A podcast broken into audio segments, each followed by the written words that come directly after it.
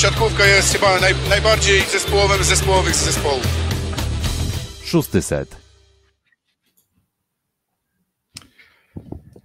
Wróciłem, ja wróciłem, a Filip cały czas był z wami. E, od kilku nagrań nie było mnie z uwagi na mój urlop, e, na, zasłużony mam nadzieję, przynajmniej ja tak, tak to odbieram, zasłużony urlop na Krecie, greckiej Krecie, wypoczywałem, dużo słońca, dużo morza, dużo wina i dużo dobrego jedzenia, no i pełen energii e, docieram z powrotem do was, aby razem z Filipem kontynuować dzisiaj pracę nad naszym cyklem, cyklem, który już jest czwartym z kolei, mm, już cztery sezon, od czterech sezonów przygotowujemy dla każdego z klubów materiały, omówienie zmian, które w tych klubach zaszły. No i przedstawimy oczywiście nasze typy, żeby można było na koniec sezonu je zweryfikować i sprawdzić, czy te typy miały jakikolwiek sens. Zazwyczaj mają sens, więc słuchajcie nas e, bardzo, bardzo uważnie. No i w drugim odcinku odliczania do Plus Ligi witam Was bardzo serdecznie ze studia w Warszawie po przerwie Piotr Złoch. Ze studia w Rzeszowie Filip Korfanty, cześć. Mm, Pierwszy odcinek o drużynach z miejsc 13-15 poprzedniego sezonu i o Beniaminku Exact Systems Hemarpol Częstochowa. Hermapol? Hemarpol. Już nie pamiętam Hemarpol. końca. Hemarpol. Tak, Hemarpol Częstochowa, więc to jest ta nazwa, do której trzeba będzie się przyzwyczaić. Natomiast oczywiście mówiliśmy o Norwidzie. Ci, którzy jeszcze nie słyszeli tego odcinka, a są zaciekawieni tym, jak sytuacja w dole tabeli się przedstawia, oczywiście zapraszamy, zachęcamy do tego, żeby też ten materiał mm, odsłuchać. A jeżeli już odsłuchaliście, to możecie w pełni spokoju posłuchać o kolejnych drużynach, e, które mamy na dzisiaj dla Was przygotowane. Mówimy tutaj o PGS Krzebełchatów i to może być dla wielu osób pewien szok, bo to jest drużyna, która trochę nie pasuje, historycznie patrząc, nie pasowała tak bardzo do tej konkretnej pozycji, którą zajęła w tabeli, a w zeszłym sezonie było to 12 miejsce. E, dalej GKS Katowice, e, Luk Lublin i dziewiąta drużyna poprzedniego sezonu, czyli Ślepsk e, Malow Suwałki. Uczymy się tu nowych nazw, bo zastanawiałeś, czy Hermapol, czy Hemarpol, to jest Hemarpol, a z kolei teraz jeszcze w przypadku dzisiejszego odcinka mamy PGE GIEK Skra Bełchatów, bo też pod nową nazwą będą występować Bełchatowianie.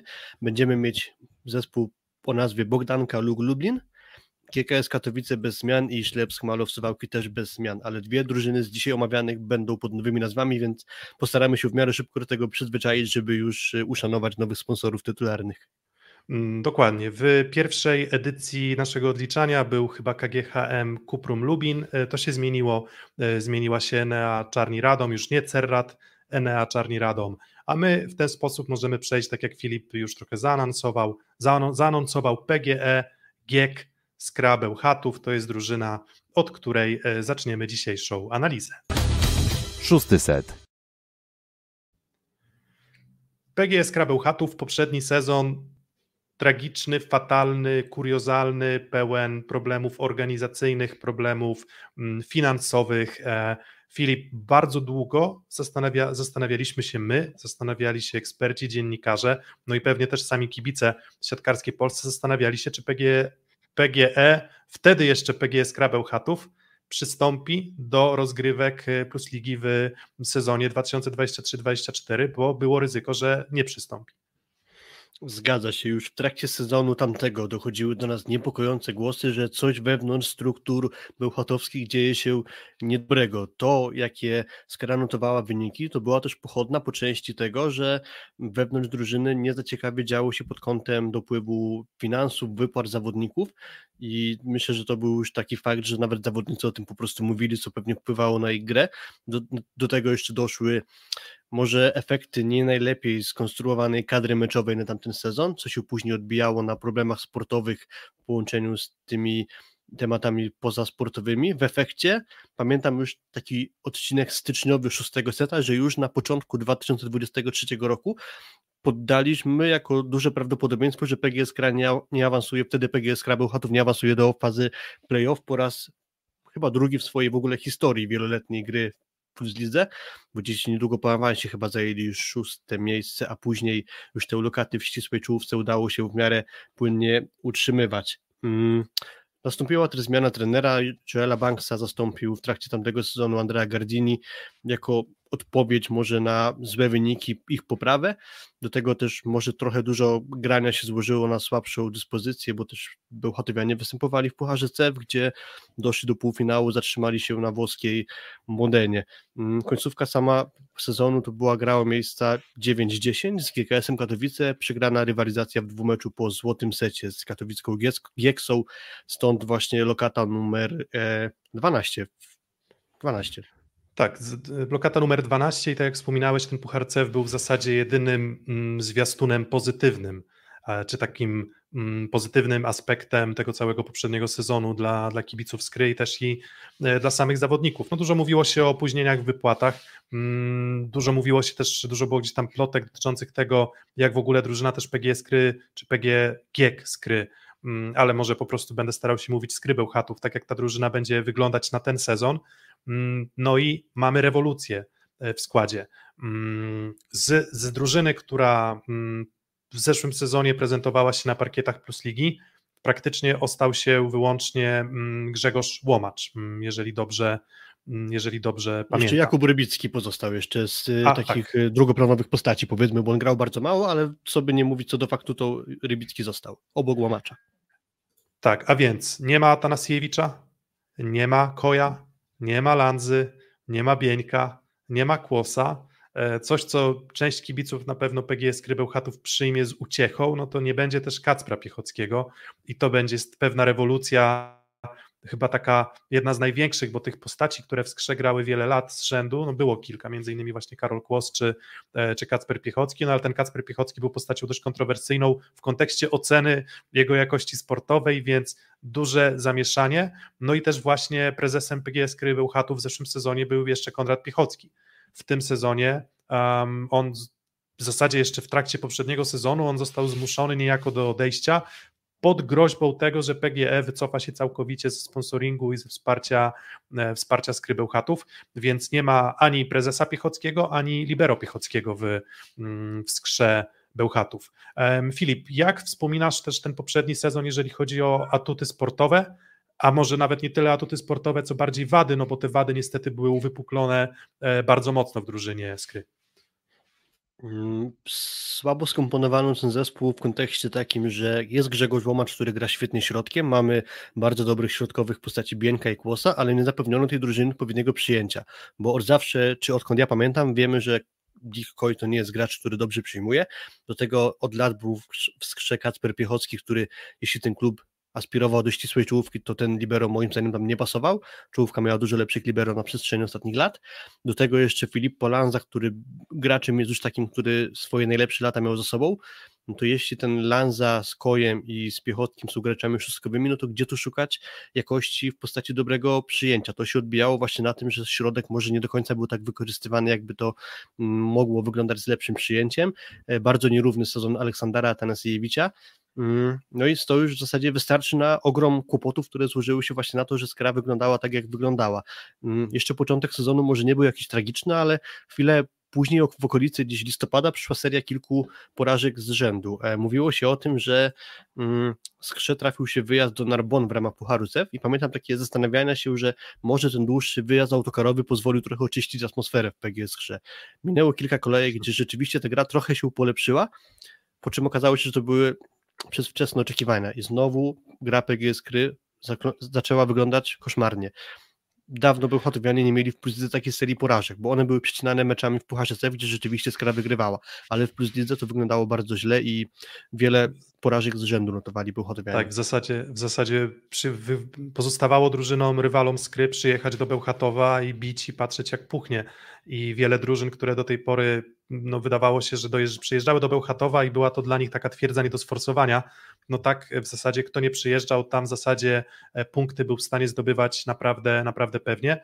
No i było to na pewno ogromne rozczarowanie, jeżeli chodzi o sezon. Oczywiście wszyscy zdają sobie sprawę z tego, że nie jest łatwo na pewno grać w sytuacji, w której są jakieś problemy organizacyjne czy finansowe, e, które wpływają na Twoją motywację, no ale jednak e, spoglądając na same, same marki zawodników, to mówimy jednak o Bieńku, mówimy o Kłosie, czyli dwóch reprezentacyjnych środkowych, mówimy o Grzegorzu Łomaczu, a mówimy o Aleksandrze Atanasiewiczu, więc e, te nazwiska nie powinny chyba w mojej ocenie zgrać aż tak słabo, pomimo nawet problemów różnych organizacyjnych mm, i finansowych. I, I, wydaje mi się, że to jest taka no, czarna, czarna karta zapisana przez tych zawodników właśnie w historii PGS Krybełchatów, ale myślę też, że i w historii samych tych zawodników i w historii ich karier będzie tak, że akurat ciężko będzie wspominać pozytywnie ten sezon. Jeżeli chodzi jeszcze o charakterystykę skry, w poprzednim sezonie bardzo dużo środka, bardzo dużo gry pipem i raczej unikanie gry mm, na lewe skrzydło, bo tam i ani Koi, ani Lanca nie gwarantowali tak naprawdę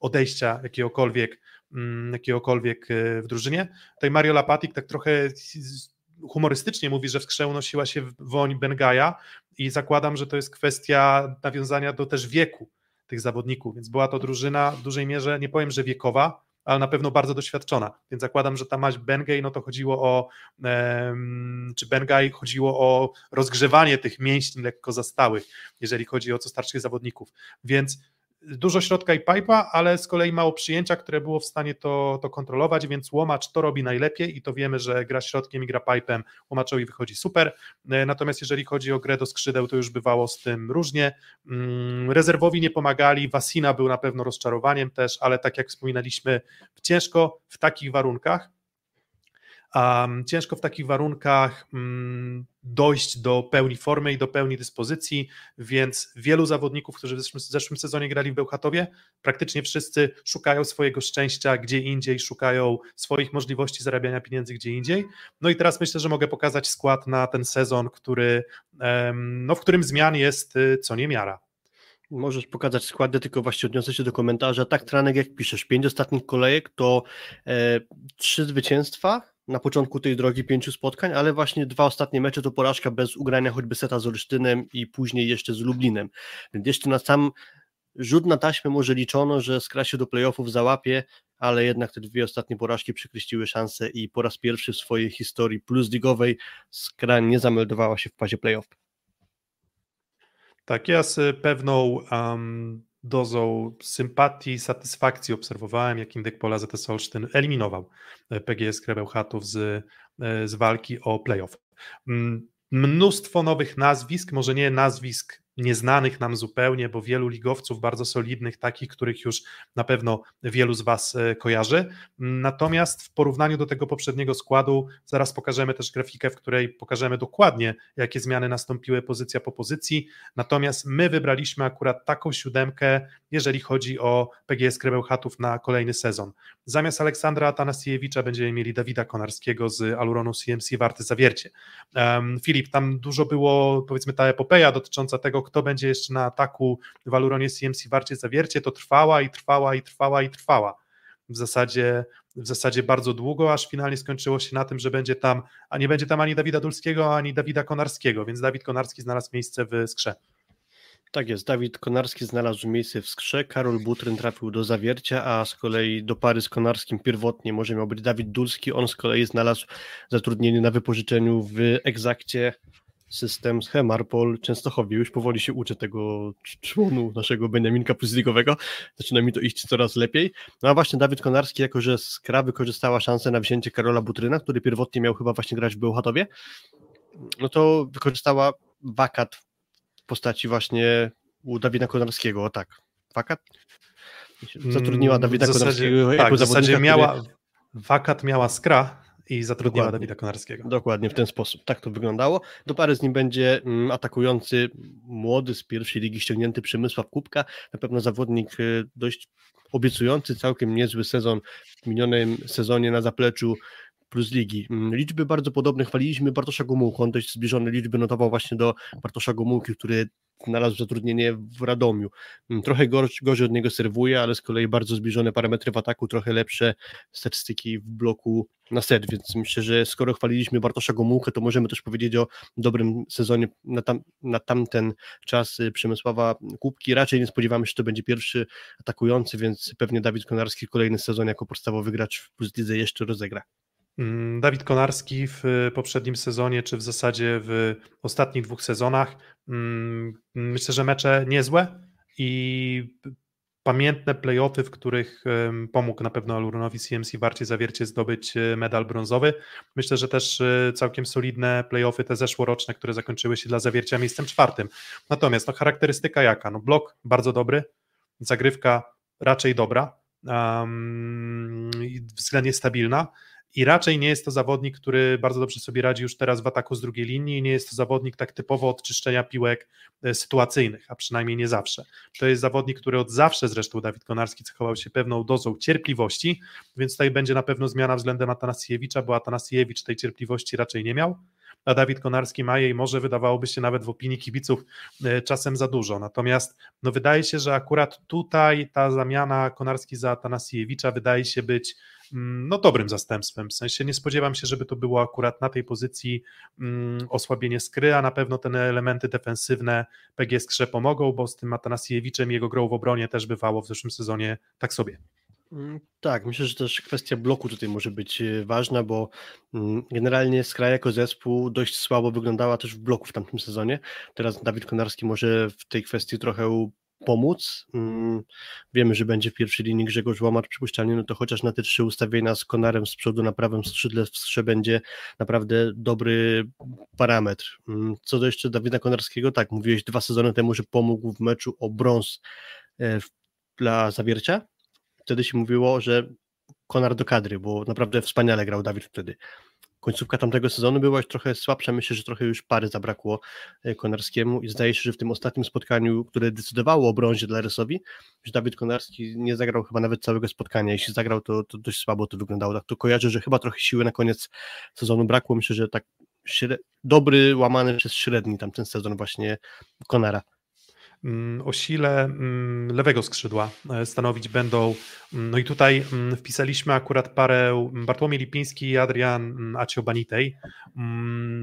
Z trzech przyjmujących jeszcze rezerwowych Mateusz Mika, pierderują e, zakontraktowany w sumie w ostatniej chwili, właśnie z uwagi na jakieś tam problemy, mm, problemy zdrowotne, chyba znowu z kolanem Mateusza Miki.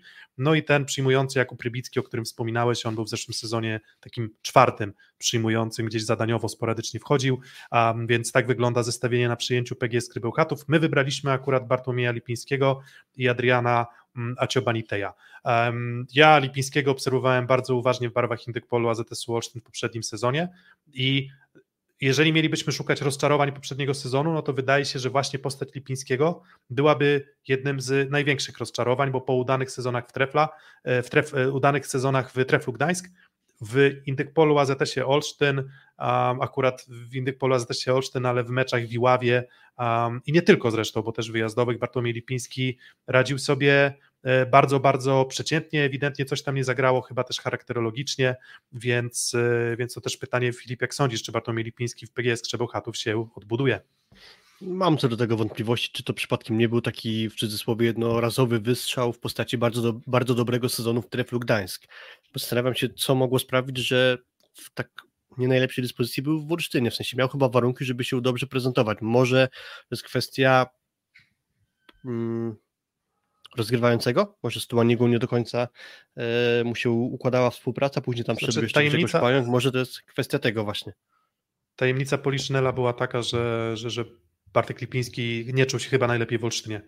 Um, jako mieście, jako, jako klubie, więc wydaje mi się, że, um, że też pewnie spodziewał się, że on będzie wyglądać lepiej, przychodził chyba raczej z zamysłem, że on raczej z Muricem Karlickim będzie tworzyć parę podstawowych przyjmujących, um, a tu bardzo szybko się w sumie okazało, że, że to Robert Andringa e, musiał, e, musiał jak zwykle zresztą szyć e, i łatać dziury jeśli w ten sposób iść, to z trzech miast, Gdańsk, Olsztyn, Bełchatów, czuję, że najlepiej czułbym się nad morzem, więc y, pod tym względem niekoniecznie musi się jego okolica zamieszkania poprawić, jeśli chodzi o Bartka Lipińskiego. Wiesz, no jeziora, mm. jeziora też są ładne i w Olsztynie też jest fajnie, no ale rozumiem, że morze ma coś takiego, co w Gdańsk na pewno pomaga maksymalizować potencjał graczy.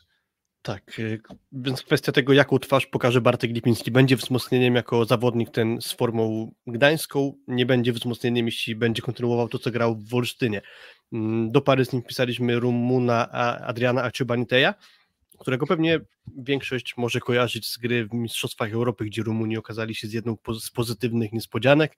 Tak jak tutaj Tranek na czacie napisał, że świetny mecz na Euro z Francją, ale już z Chorwacją w jednej ósmej e, tak dobrze nie zagrał. I ja właśnie go tak kojarzę jako takiego zawodnika tak naprawdę średniego w każdym elemencie, a nie bardzo, do, a bardzo dobrego w niczym w zasadzie, bo i nie jest dziurą w przyjęciu, ale też nie jest takim super precyzyjnym zawodnikiem, często mu się zdarza po prostu przyjmować taką wysoką parabolą, która nie za bardzo napędza akcję, ale to nie jest tak, że łatwo w niego trafić, na nim zdobywać punkty, więc y, dziura w przyjęciu to na pewno też nie jest, ale nie jest to jakoś w stylu, nie wiem, Roberta Andringi chociażby.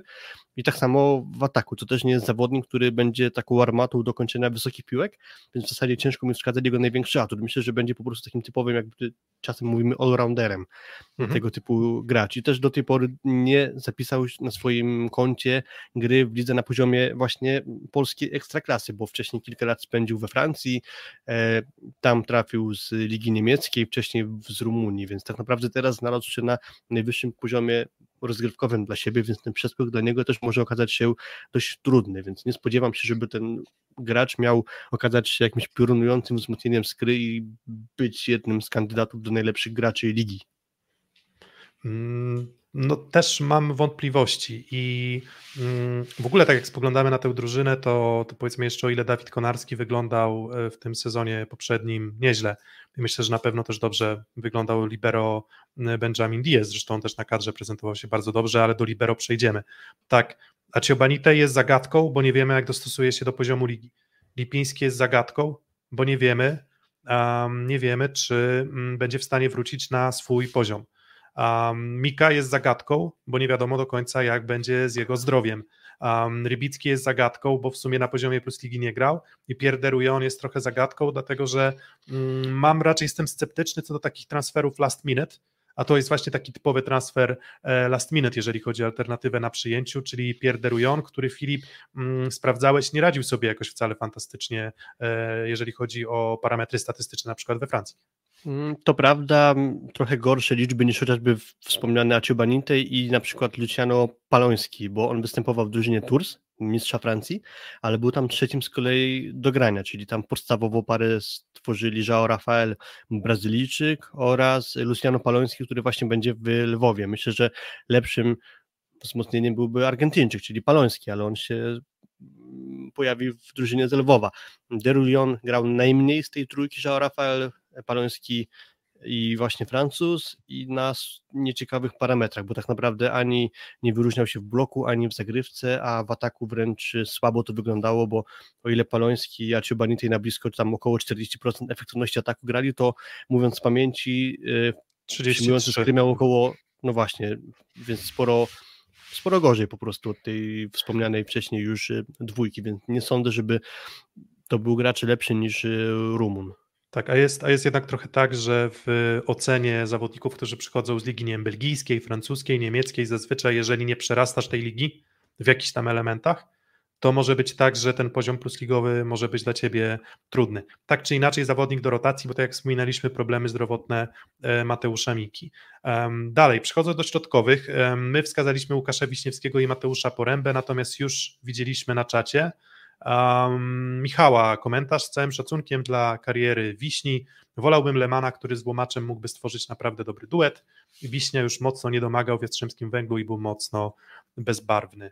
Mm, no i właśnie, to jest kluczowe, kluczowe informacje w, do oceny właśnie też transferów Łukasza Wiśniewskiego, Mateusza Poręby są takie, że to byli zawodnicy, którzy w poprzednim sezonie mieli bardzo duże problemy ze zdrowiem troszeczkę innej charakterystyce, bo Łukasz Wiśniewski zerwał niestety więzadła w kolanie, więc on się odbudowywał. Też wieku oczywiście wypominać mu nie będę, natomiast ogólnie spodziewam się, że powrót po tak ciężkiej kontuzji w wieku 35 lat myślę, że już może być dla sportowca profesjonalnego trudny. W przypadku Mateusza Poręby mm, było troszeczkę inaczej, bo on tam tych takich drobnych kontuzji miał też mnóstwo.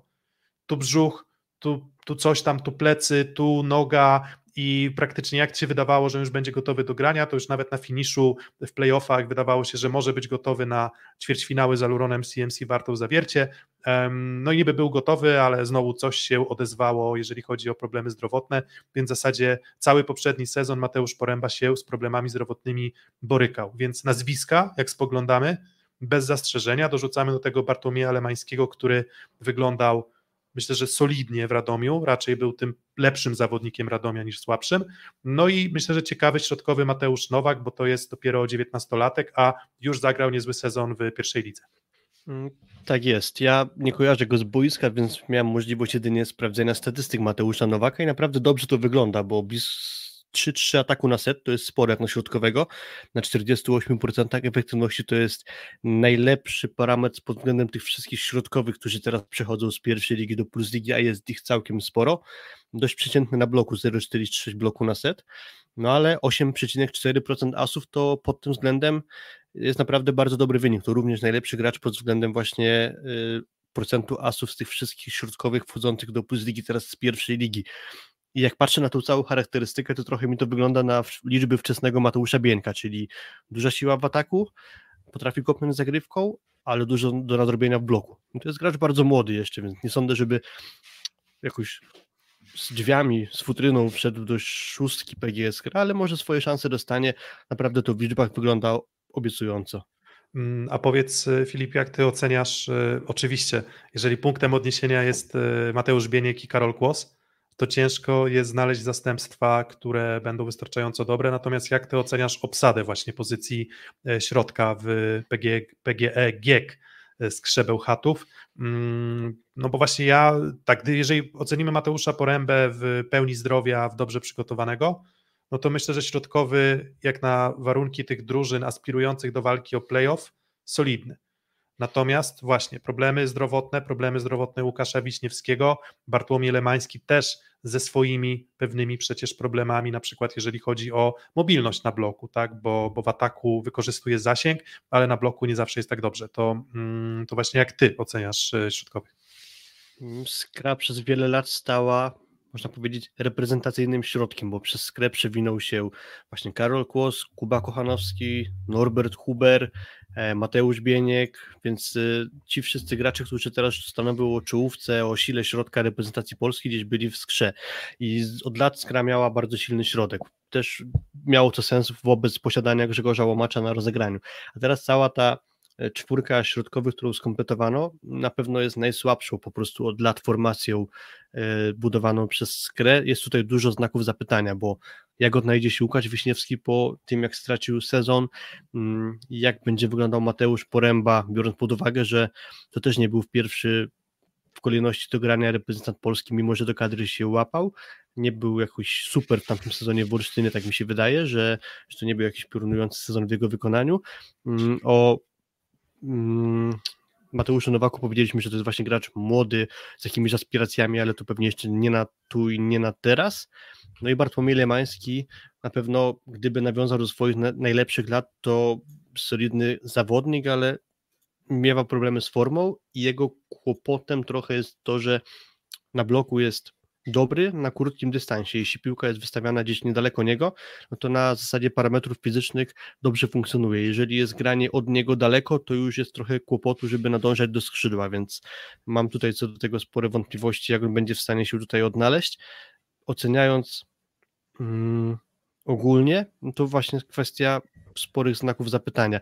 W czym tak naprawdę ten środek może być bardzo dobry, bo ani w bloku bym nie powiedział, ze względu na ewentualnie obecność Lemańskiego, mhm. ani w ataku, bo Łukasz Wiśniewski z kolei nie jest jakimś tytanem ataku, ani w zagrywce, bo Bartek Lemański serwował długo plotem, próbował z wyskoku, nie jest tak już ustabilizowany parametr. Mateusz Poręba z tym swoim plotem ogromnego zagrożenia nie jest w stanie zrobić, podobnie Łukasz Wiśniewski. No i ten Mateusz Nowak, jeśli będzie miał okazję, no to serwuje teoretycznie dobrze na poziom pierwszej ligi, ale czy on będzie grał? Więc szukam, gdzie największy atut będzie takiej formacji, właśnie złożonej z tej czwórki graczy. I nie jestem w stanie powiedzieć tak naprawdę, co będzie największą siłą tej formacji.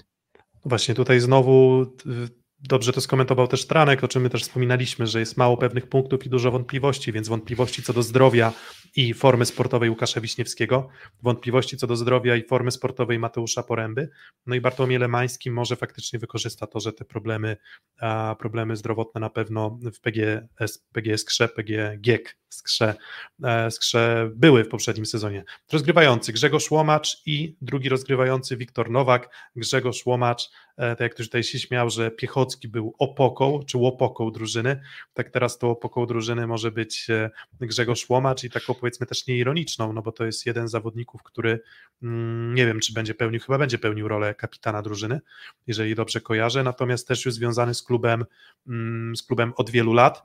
No i o Grzegorzu Łomaczu wiele rozmawialiśmy w kontekście sezonu kadrowego i mamy kolejny znak zapytania, czyli ten sezon kadrowy Grzegorza Łomacza był dość przeciętny, a z kolei Wiktor Nowak trochę nie podołał roli pierwszego rozgrywającego w przedostatniej drużynie ligi, więc znowu to zestawienie na, mm, na rozegraniu, nazwiska znane nam, ale no ale są znaki zapytania, Filip.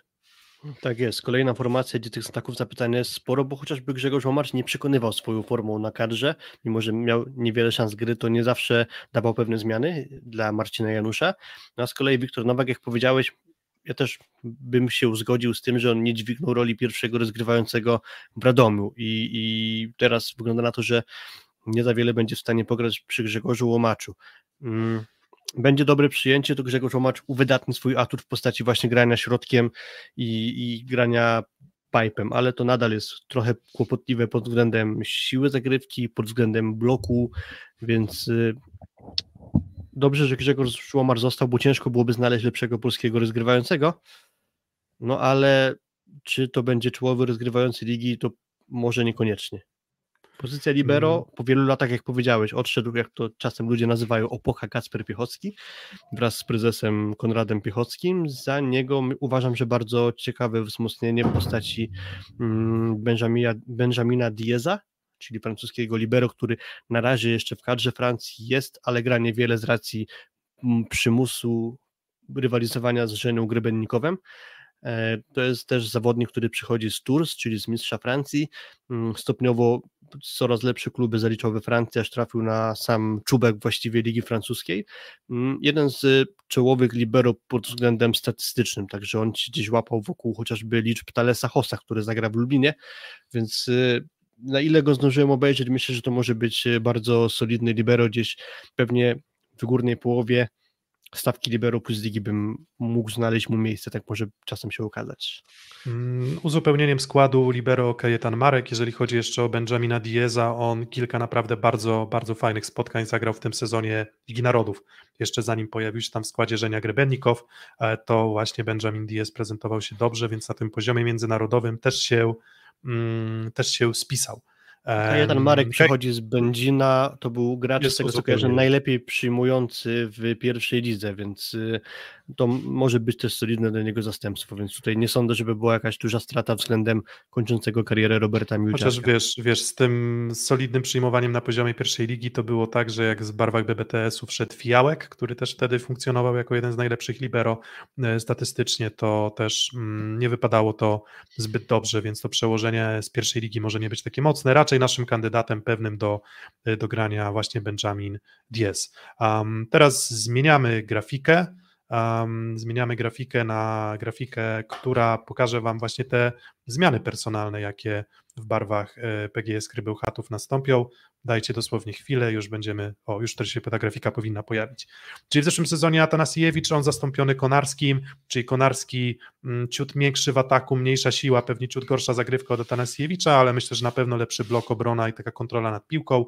Koj i Lanca versus Lipiński a I oczywiście w nawiasie wpisujemy Mikę i Derujona, bo tak naprawdę nie wiemy, który z tych zawodników się będzie spisywał na miarę oczekiwań, aspiracji e, Skry. Na środku Kłos i Bieniek i to jest na pewno gigantyczna strata dla Skry versus Poręba, Wiśniewski oraz Lemański. Łomacz to jest jedyny zawodnik oznaczony u nas na szaro, czyli zawodnik, który mm, nie e, odszedł z PGS Skry Bełchatów i będzie grał w wyjściowej siódemce i to jest w zasadzie jedyny z siedmiu elementów, który nie ulega zmianie. No i Kacper Piechocki zmieniony za e, Benjamina Dieza. No i teraz przechodząc do plusików i minusów, jakie my znaleźliśmy dla, mm, dla PGS Krybełchatów. No to takim najważniejszym plusem jest chyba to, Filip, że drużyna, mimo tego, że mm, wspominaliśmy o ogromnych problemach finansowych, oni zagrają w, e, w Plus Lidze w kolejnym sezonie, a to nie było takie oczywiste.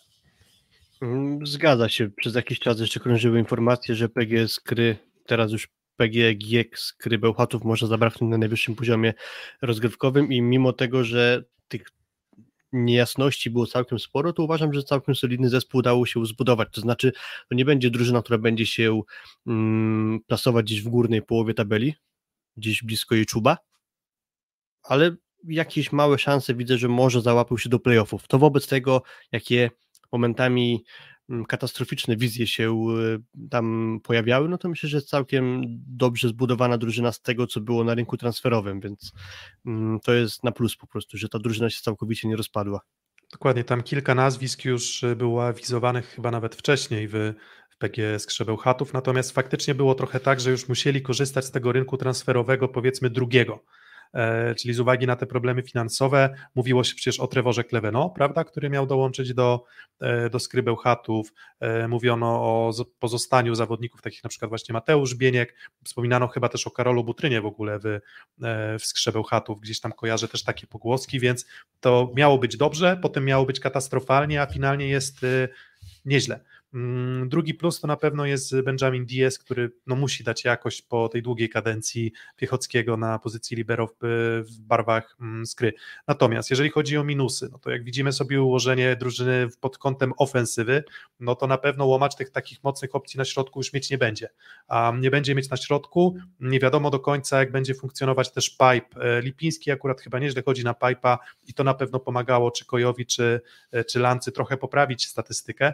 Natomiast gra już do lewego skrzydła i do prawego skrzydła łomacza, co pokazał też sezon kadrowy, była taka sobie. No i mamy wątpliwości co do tej siły lewego skrzydła, bo tych przyjmujących jest kilku, ale tak naprawdę żaden nie daje gwarancji tego, żeby być faktycznie takim fantastycznie punktującym graczem mm, i graczem, który będzie liderem zespołu właśnie z tej strefy boiska. Filip, jakieś jeszcze plusy czy minusy, jakie dostrzegasz?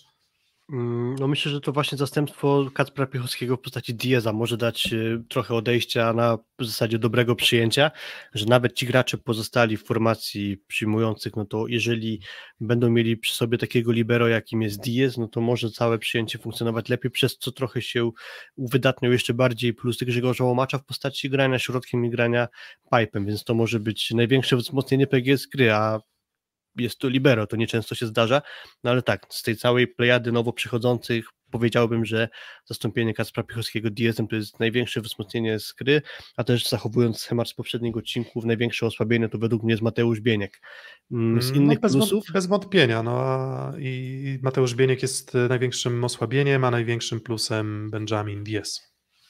Mm, no to okej, okay, no to tu się zgadzamy, mi się wydaje, że wśród właśnie tego szukania plusów, no to formacja czy jakość przyjęcia, to to bym wymienił, bo uważam, że skoro będzie lepiej przyjmować, to też przełoży się na lepsze granie Grzegorza Łomacza i, i to jest y, koniec tak naprawdę. Dużo będzie zależeć od tego, jak, do jakiej formy uda się doprowadzić wszystkich graczy, bo co do w zasadzie każdego, można by jakieś znaki zapytania przypisać i też wśród tych minusów wymieniona jest kwestia łomacza, czyli tej opcji na środku, czy to będzie się brało z dobrego przyjęcia, na które liczymy, ale niekoniecznie tak się musi zdarzyć.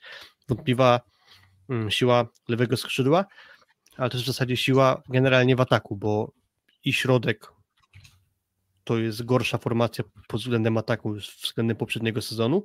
Na prawym teoretycznie siła rażenia jest trochę mniejsza, ale przy dobrym wykorzystaniu Konarski nie będzie dziurą. I tak samo na lewym nie będzie odejścia w postaci takiego gracza jak Dick Coy, który słabo przyjmował, ale w ataku to była dość solidna strzelba. A teraz wobec tak obstawionego przyjęcia, tam takiego typowego, ofensywnego przyjmującego mi brakuje. Mm. I jeszcze inna kwestia, której tutaj nie wymieniliśmy, to ogólnie rzecz biorąc, przy niemal każdym z graczy, który przyszedł do Bełchatowa, dałoby się jakiś znak zapytania postawić, bo tak, Diaz przeskok do plus ligi z ligi francuskiej, Mateusz Mika jest kontuzjowany, więc nie wiadomo do jakiej dyspozycji wróci, Dawid Konarski po trochę gorszym sezonie tamtym niż jeszcze dwa sezony temu, plus jego jakość ofensywna nie jest taka dobra jak Atanasiewicza. E, Wiktor Nowak po tym, jak nie za bardzo sprawił się w Radomiu, Łukasz Wiśniewski po kontuzji, Bartek Lipiński po słabym sezonie w Olsztynie, Mateusz Poręba, ok, to jest bardzo dobry transfer, z nim też było tych perypetii tyle, że dobrze, że do skry trafił, a nie wylądował na przykład w klubie Kokosa, mając podpisane dwa kontrakty, a Ciobanitej przeskok z ligi francuskiej, Kubka przeskok z pierwszej ligi, no i tak można by wymieniać i wymieniać, więc tak naprawdę przy każdym z graczu, graczy dałoby się wskazać coś, co sprawi, że on może być niewypałem, ale też gdyby to się Dobra, w ten sposób, że Filip, zagrały dobrze, to Wystarczy. E, Wystarczy tych wątpliwości, bo wydaje mi się, że już wszyscy, wszyscy je słyszeliśmy. Zresztą część już też opisywałem w, w wcześniejszej części odcinka.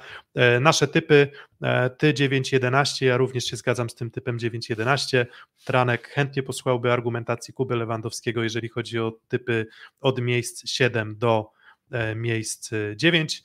Mm, To jeszcze Tranek mówi, że późno zakończył sezon kadrowy łomacz i to na pewno może być problemem w kwestii, w kwestii zgrania.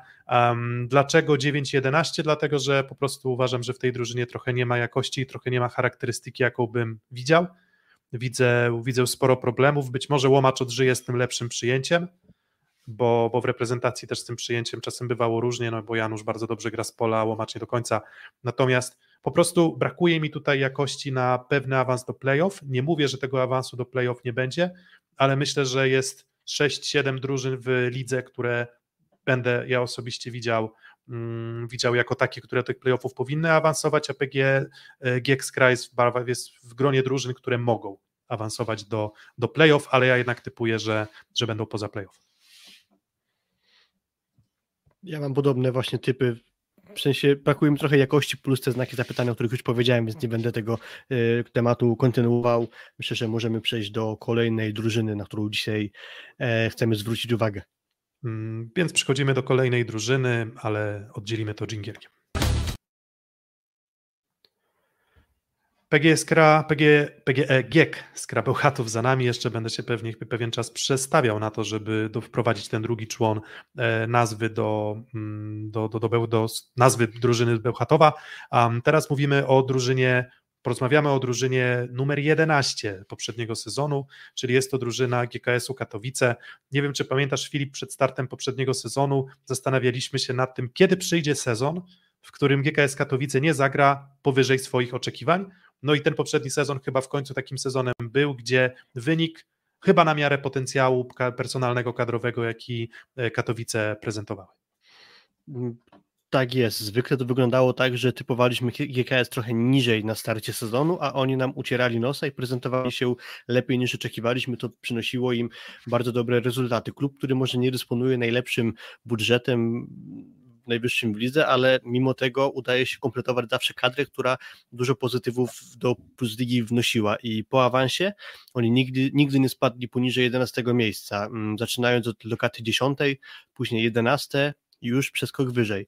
Miejsce 8, 6, 9, 8 i właśnie w ostatnim troszkę niżej, czyli miejsce 11, ale, ale nie, na sam koniec jakby pozytywny aspekt ograli skrę, bo oni w tabeli rundy e, zasadniczej zameldowali się wtedy na miejscu 12, ale właśnie ogranie skrze w tym dwumeczu pozwoliło im się zameldować na miejscu 11. E, Problem, jaki tam się pojawił, to moim zdaniem taki dołek formy, który trwał dość długo, co potem sprawiło, że ciężko było im się odgruzować i powalczyć o coś więcej.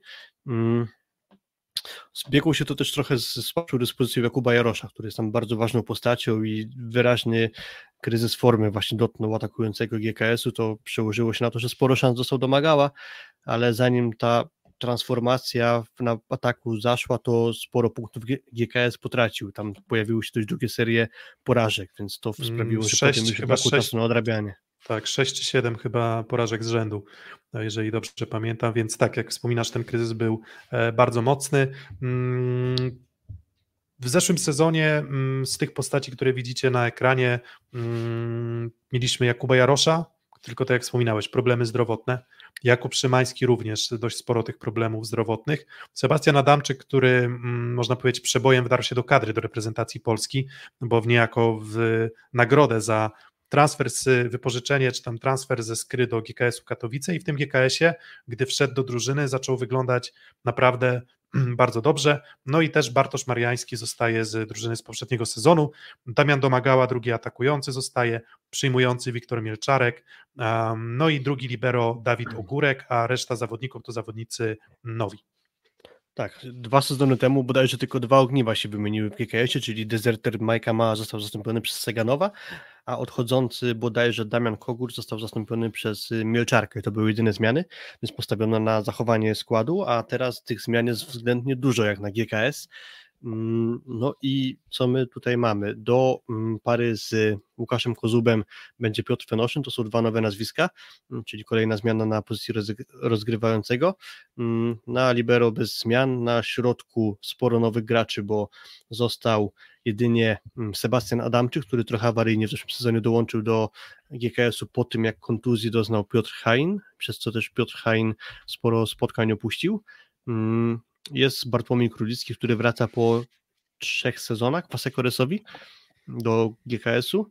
Mm, do tego kwartetu środkowych mam Łukasza Usowicza z MKS-u Będzin i e, Macieja Woza, który jest jednym z dwóch graczy, którzy dołączają nie z pierwszej ligi, a z drugiej ligi bodajże, bo ze Strzelec Opolskich Maciej Wóz został ściągnięty, ale już kiedyś w pierwszej lidze zagrał.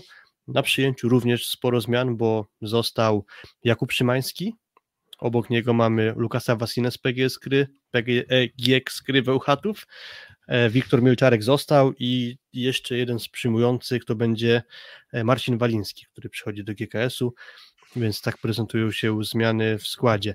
No i właśnie, czy musimy ostrożnie podchodzić do typowania do GK, do, dla GKS-u Katowice. Czy znów powinniśmy jakąś taką ostrożność zachowywać, jak to zwykle bywało? Czy możemy powiedzieć na przykład śmiało, że GKS zaatakuje playoffy? Jak to widzisz?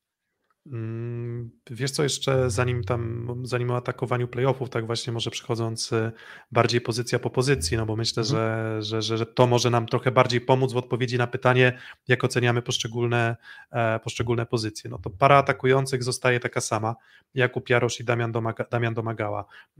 Jarosz, gdy był zdrowy w poprzednim sezonie, grał dobrze, um, i trudno było mieć do niego jakieś zastrzeżenia. Zdarzały się też takie mecze, które, e, które na przykład jeszcze nie w sezonie poprzednim, a dwa sezony wstecz zdarzało mu się na przykład ograć wtedy Asekoresowi, jeżeli dobrze pamiętam, samodzielnie, więc on miał kilka takich dobrych meczów, ale to już znowu, tutaj jest trochę tak, że z tym wiekiem nie chcemy wypominać wieku, bo to nie chodzi o wypominanie wieku, natomiast no generalnie prawidła siatkówki są takie, że im jesteś starszy, tym trudniej jednak utrzymywać pewien poziom sportowy, więc tutaj myślę, że Jarosz będzie rotował z Domagałą, Domagała wyglądał nieźle w poprzednim sezonie, w porządku, powiedziałbym. Może nie był jakimś nieprawdopodobnie imponującym zawodnikiem na ataku, mm, ale to i tak jest pewne odgruzowanie tej kariery Damiana domagały, bo wydawało się, że to już idzie naprawdę w bardzo złym kierunku.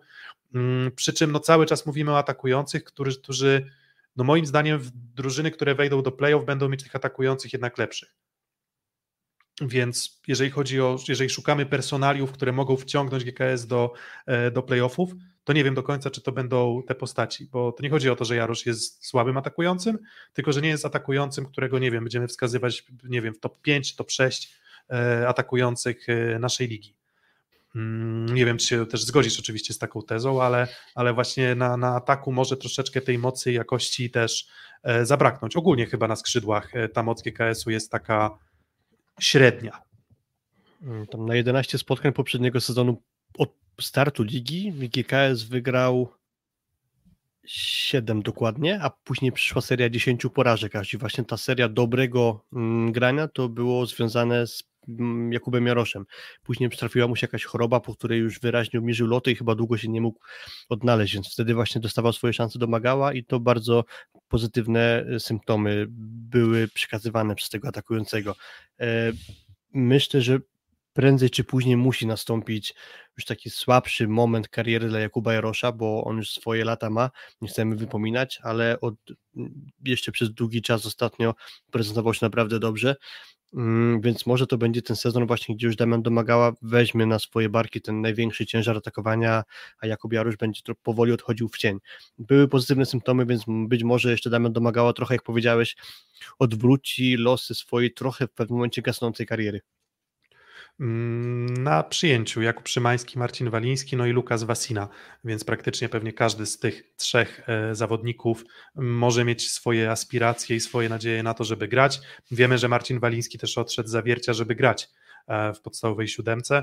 Jakub Szymański, tak jak wspominałem, problemy zdrowotne i na pewno one nie pozwoliły mu pokazać e, pełni potencjału, dużo problemów, tam jeszcze problem chyba z siatkówką wokół e, odklejoną, więc wcześniej jeszcze jakieś inne problemy zdrowotne, mięśniowe, mm, więc no praktycznie cały sezon Jakuba Szymańskiego bardzo szarpany i, i trudny. On tak naprawdę w tej formie fizycznej w pełni e, w pełni nie był. Mm, Lukas Wasina jest jakąś tam na pewno nadzieją dla GKS-u Katowice, bo mm, on przychodził do Skrybełchatów po całkiem udanych Mistrzostwach Europy i wtedy właśnie na tych Mistrzostwach Europy w 2021 roku wypromował się nieco mm, Lukas Wasina i, i zapracował sobie właśnie na transfer potem w konsekwencji do, do Skry. E, w Skrze nieudany e, sezon, no to teraz e, myślę, że jest jakaś tam nadzieja w Wasinie na to, że, że on tę moc lewego skrzydła wzmocni, przy czym znowu no, żaden z tych zawodników nie jest raczej żadnym typowym killerem, jeżeli chodzi mm, o, o, o powiedzmy atak z lewego skrzydła czy atak na wysokiej piłce. Mm, to prawda, na pewno obiecujące mogą być występy Wasiny na Mistrzostwach Europy, gdzie naprawdę dobrze się prezentował. Na Mistrzostwach Europy też na kwalifikacjach do Igrzysk tam troszkę gorzej grał, ale na Euro naprawdę dobrze to wyglądało, więc jeśli będzie w stanie do tego nawiązać, to może okazać się solidnym graczem dla mm, GKS-u. Mm, Marcin Waliński poprzedni sezon w Zawierciu, gdzie nie pograł za dużo. Jeśli kojarzę jego zmiany, to trochę tam może brakowało jakości, więc chyba nie najlepiej na niego wpływało właśnie to, że stał się graczem rezerwowym. Na pewno największa tutaj nadzieja w Jakubie Szymańskim, który łapie się do szerokiej, bo szerokiej, ale mimo wszystko reprezentacji Nikoli Grybicia. No i czwarty Wiktor Milczarek. Raczej obstawiam, że to będzie siatkarz, który pogra z tego kwartetu przyjmujących y, najmniej, ale myślę, że może też być wartościowym graczem. bo o nim się mówi, że to jest bardzo duży Pracuś pod względem charakterologicznym pewnie się dobrze wkomponuje w GKS, więc y, mm, nie będzie żadną kulą u nogi.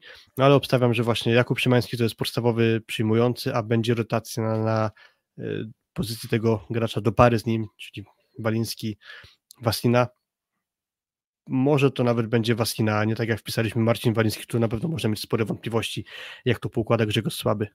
Mm, Bartłomiej Królicki, Sebastian Adamczyk na środku, mm, trzeci środkowy Łukasz Usowicz po moim zdaniem całkiem udanym sezonie w MKS-ie będzie, na przynajmniej jak oglądałem też te mecze w playoffach e, w pierwszej lidze, to, to e, nie Sebastian, Łukasz Usowicz wyglądał, mm, wyglądał dobrze. Czwarty środkowy Maciej Wóz, z tego co nas doszły doniesienia a propos GKS-u Katowice, a propos, to Łukasz Usowicz nie poddaje się w walce o wyjściowy skład, no i zobaczymy, czy, czy Bartłomieja Królickiego, który też w Resowi pograł dość dyskretnie, tak bym powiedział, sporadycznie, mm, jako taki, takie uzupełnienie składu, zawodnik numer no 3,5, pewnie 4, jeżeli chodzi o przyjmujących w, w Resowi. O Sebastianie Adamczyku wspominaliśmy, że on miał udany sezon poprzedni, mm, no ale właśnie to Łukasz Usowicz na pewno nie będzie też e, rezygnował z walki.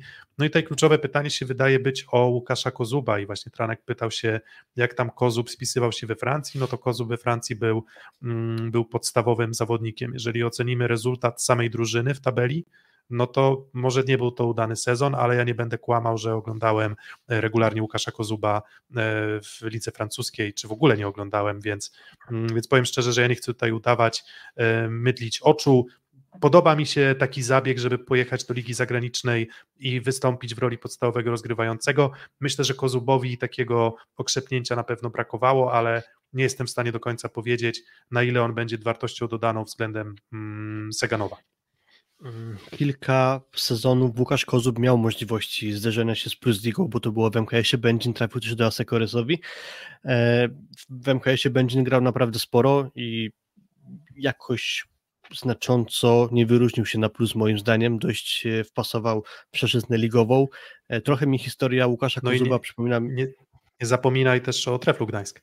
Mm, tak, ale Tref Gdańsk to głównie rezerwowy przy Lukasie Kampie, więc tam chyba mhm. nie za wiele można powiedzieć o jego funkcjonowaniu. Natomiast zmierzałem do tego, że trochę mi jego historia przypomina to, co ma za sobą Michał Kędzierski, to znaczy dość nagle zdecydował się na wyjazd do Ligi Włoskiej, do Sory, kilka sezonów temu. Tak teraz właśnie Łukasz Kodzub zdecydował się na Francję, na Poitiers. Zespół ze środka tabeli, można powiedzieć, czy tam raczej starający się sięgnąć do środka tabeli. I bardzo podobne ekipy pod względem funkcjonowania w ataku. Mieli Kędzierski właśnie Kozu, bo Kędzierski w Sorze miał na prawym Petkowicza, na którym bardzo dużo opierał ataku, mnóstwo było grane na prawe skrzydło, tak samo Kozub miał Brazylijczyka Gabriela Candido, na którym mnóstwo ciężaru ataku spotykało, więc y, nie sądzę, żeby jakoś znacząco wymagająca była właśnie gra w tym zespole pod względem gry kombinacyjnej, to znaczy co się da, to można przedpieszyć, dać na środek, a jeżeli tylko jest trochę trudniejsza piłka, to sięganie na prawe skrzydło po armatę, którą był właśnie Candido.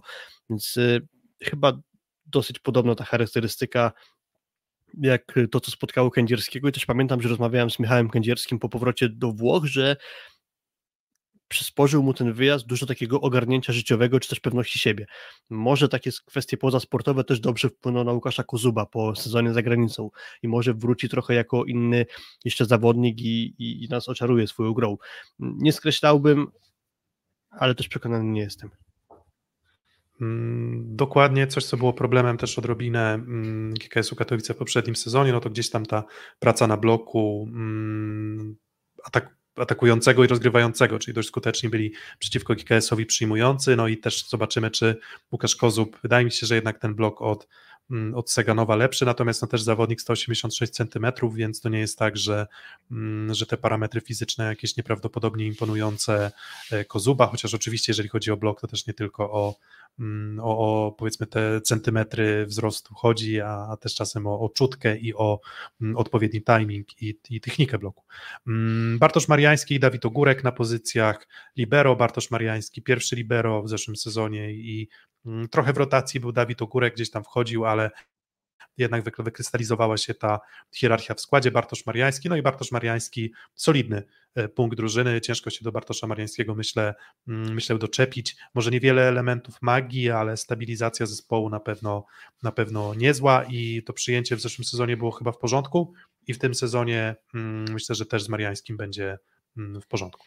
No zgadzam się, to jest solidny punkt GKS-u, bardzo mi pasuje do tej drużyny, więc nie mam tutaj nic do dodania, para się nie zmieniła, tylko o Piotrze Penuszynie, rozgrywający, który trafił do GKS-u z pierwszej ligi bodajże z Siedlec, mm, podobna charakterystyka grania do Łukasza Kozuba, z tego co się zdążyłem zorientować, solidna zagrywka, myślę, że nie będzie on dziurą, w razie czego, gdyby przyszła taka konieczność właśnie zastąpienia Łukasza Kozuba, no ale myślę, że Kozub będzie podstawowym graczem.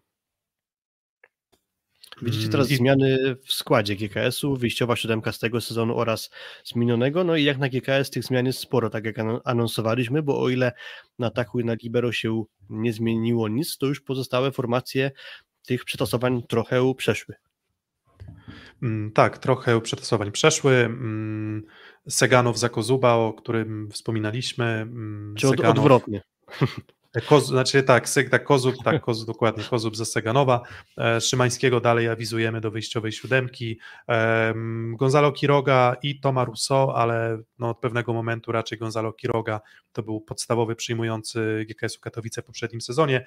Teraz wchodzi e, Wasina, no i w nawiasie Waliński, więc te, dwie grafiki trochę być może niespójne, ale to też ma trzeba uzmysłowić, że, um, że no nie wiemy do końca, kto z tego tercetu będzie, e, będzie funkcjonował. Spodziewam się jednak, jednak rotacji, no bo tego grania też będzie mm, sporo w tej lidze. Mm, Adamczyk Kania to była para w poprzednim sezonie, był też Piotr Hain, e, który miał pewne problemy zdrowotne w trakcie poprzedniego sezonu. Mm, mamy Sebastiana Adamczyka i Królickiego, natomiast tak jak wspominaliśmy, Usowicz e, też e, nie, mm, nie kładzie broni w rywalizacji o pierwszy skład. E, Filip, tak jak już zapoczątkowałeś to pytanie, to teraz ja zadam w kontekście GKS-u. Mm, największa strata i największy pozytyw, jeżeli chodzi o ruchy transferowe mm, GKS-u. Nie jest to łatwe pytanie, dlatego że uważam, że ci wszyscy zawodnicy, którzy odeszli i przyszli, stanowią w miarę podobny, zbliżony do siebie poziom sportowy, więc y, gdybym miał poszukać y, największego wzmocnienia, to wybrałbym kogoś z dwójki e, Waliński bądź Wasina. I tu mam problem, kogo wskazać wyżej. I umówmy się, że ja wskażę Wasinę, jako że liczę na jego powrót do dobrej formy i to, co pokazywał Szczechami w swoim najlepszym czasie, to może dać więcej niż Waliński, e, który trochę się może okopał na ławce rezerwowych. Nie tak na 100%, ale trochę tak. A co do największej straty, no to zastanawiam się między Seganowem, aczkolwiek Kozub ma podobną charakterystykę grania do niego, więc liczę, że może niekoniecznie to będzie duża strata, ale jest taki potencjał, że właśnie tutaj będzie lekkie osłabienie.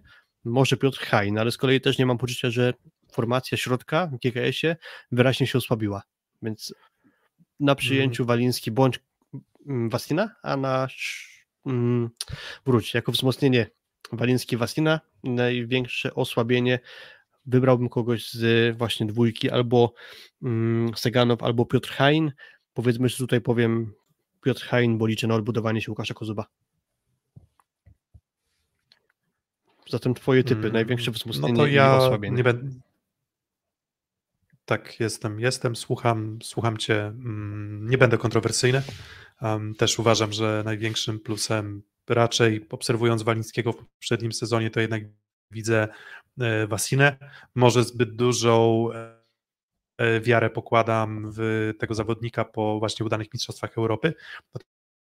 Natomiast faktycznie było tak, że to był mm, lider bardzo mocny lider. Um, jesteś Filip, bo tak właśnie zastanawiam, czy Tak, słyszysz tak, tak. wszystko dobrze? Jestem, jestem. Okej, bo, bo właśnie wydawało mi się, że twój ekran nieco zamarzł. Mm, Jeżeli chodzi o straty, to no i mm, dla okiem laika Seganowa lubiłem raczej, ale tak jak wspominałeś, dla mnie nie ma żadnej mocnej straty. Mm, Niezłe momenty pokazywał Kiroga, myślę też w poprzednim sezonie. Natomiast z drugiej strony mówię, szukamy straty, czyli kogoś, kto może nie zostanie zastąpiony, a ja nie mam poczucia w przypadku żadnego z tych odejść, że nie przyszli zawodnicy, którzy mają podobny potencjał, więc może finalnie faktycznie też jako ty stanie na, na Piotrze Hajnie, mm, czyli, czyli zawodniku też ogranym, który gdyby jest tylko zdrowy, to moim zdaniem jest y, środkowym dość solidnym, ale z drugiej strony też nie uważam, że aż tak bardzo solidnym i aż tak, nie wiem, nie, nieporównywalnie lepszym od na przykład e, Królickiego czy, czy może nawet Usowicza, Mm, no więc niech będzie ten e, Piotr Hain. No i teraz grafika o plusikach i minusach e, drużyny GKS-u, GKS-u Katowice. Mm, już powinna wskoczyć, E, czyli tak, jeżeli chodzi o plusy, no to na pewno mm, warto wspomnieć o Łukaszu Wasinie, on dał sygnał na Mistrzostwach Europy o odbudowie formy, bardzo zły, bardzo zły sezon w Skrzebeł Chatów, tak, myślę, że takiego lidera, jeżeli on będzie w takiej formie, w takim gazie jak z Euro 2023, to myślę, że Katowice będą bardzo potrzebować. No i na pewno jest to zgrany zespół i dobra atmosfera i część nowych postaci się pojawia, natomiast każda z tych nowych postaci też mam wrażenie raczej o takiej charakterystyce, która nie mąci. Czyli coś, co było zawsze atutem Katowic, czyli właśnie ten zgrany zespół i atmosfera, to moim zdaniem on, on zostaje.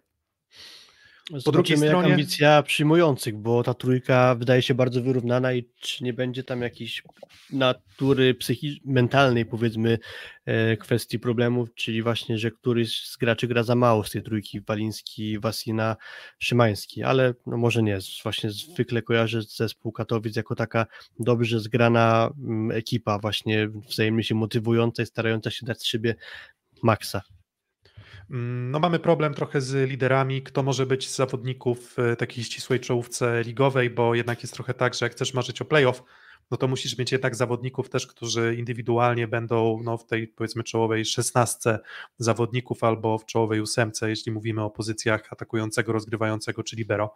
Um, no i idąc tym tropem, trochę brakuje takich zawodników, Mm, a wątpliwości oczywiście co do Jarosza i domagały na prawym skrzydle też wydaje mi się, że są mm, aktualne. To przekłada się Filip na typy, czyli twój typ ym, 10-12, Kuba ciut wyżej 9-11, ja 10-12, mm, no i mamy porównanie z PGS Bełchatów, no to mm, no to jednak kiedy ja miał oceniać te dwie drużyny, to wydaje mi się, że ciut wyższy potencjał jest w skrze, ale z drugiej strony mam poczucie, że w skrze jest dużo więcej możliwości, że coś pójdzie nie tak.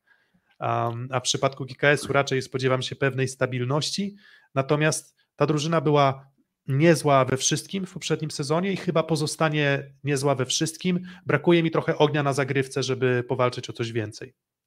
No, Prawda, no i też regularnie co sezon Grzegorz Słaby daje mm, argumenty ku temu, że zbuduje z tego składu, jaki ma, solidnie zgrany i wykorzystujący swoje atuty zespół, więc pod tym względem widzę, że GKS może być bardzo blisko mm, PGG Skry, dlatego, że w skrze tych punktów coś może pójść nie tak, jest bardzo dużo, a w GKS-ie właśnie jak coś może pójść nie tak, to raczej nie pójdzie, bo właśnie ufam temu, że oni będą w stanie się wzajemnie odpowiednio zmotywować i, i wykorzystywać swoje atuty, jakie mają, a, a pewne atuty, atuty tutaj są, no i Grzegorz Słaby sądzę, że może je spokojnie uwidocznić, więc moje typy 10-12, e, dla Skry to było 9-11, ale myślę, że to może być gdzieś sąsiedztwo w tabeli.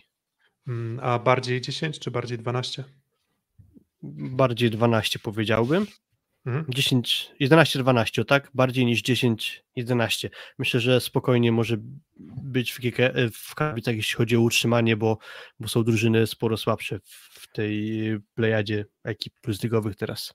Mm, więc e, nie typujemy GKS-u Katowice do playoffów, ale jak zawsze mm, mamy nadzieję, że te nasze nagrania dają motywację zawodnikom do tego, żeby utrzeć nam nosa i mhm. udowodnić, że jednak się e, zupełnie nie znamy. Natomiast e, no, wydaje mi się, że po prostu brakuje ciutkę tutaj jakości i tak jak mówię, w zeszłym sezonie ta drużyna nie zagrywała i z rywale mieli duży komfort grania w tym sezonie też mam takie poczucie, że, że trochę tej agresji na zagrywce i po prostu brutalnej siły e, brakuje, więc ułożona drużyna będzie, będzie grała niezłą siatkówkę, ale, ale nie kompletną. Mm, dwie drużyny za nami dzisiaj, e, więc to jest bardzo dobry moment, żebyście dali łapkę w górę i subskrypcję pod naszym kanałem, jeżeli jeszcze tego nie zrobiliście.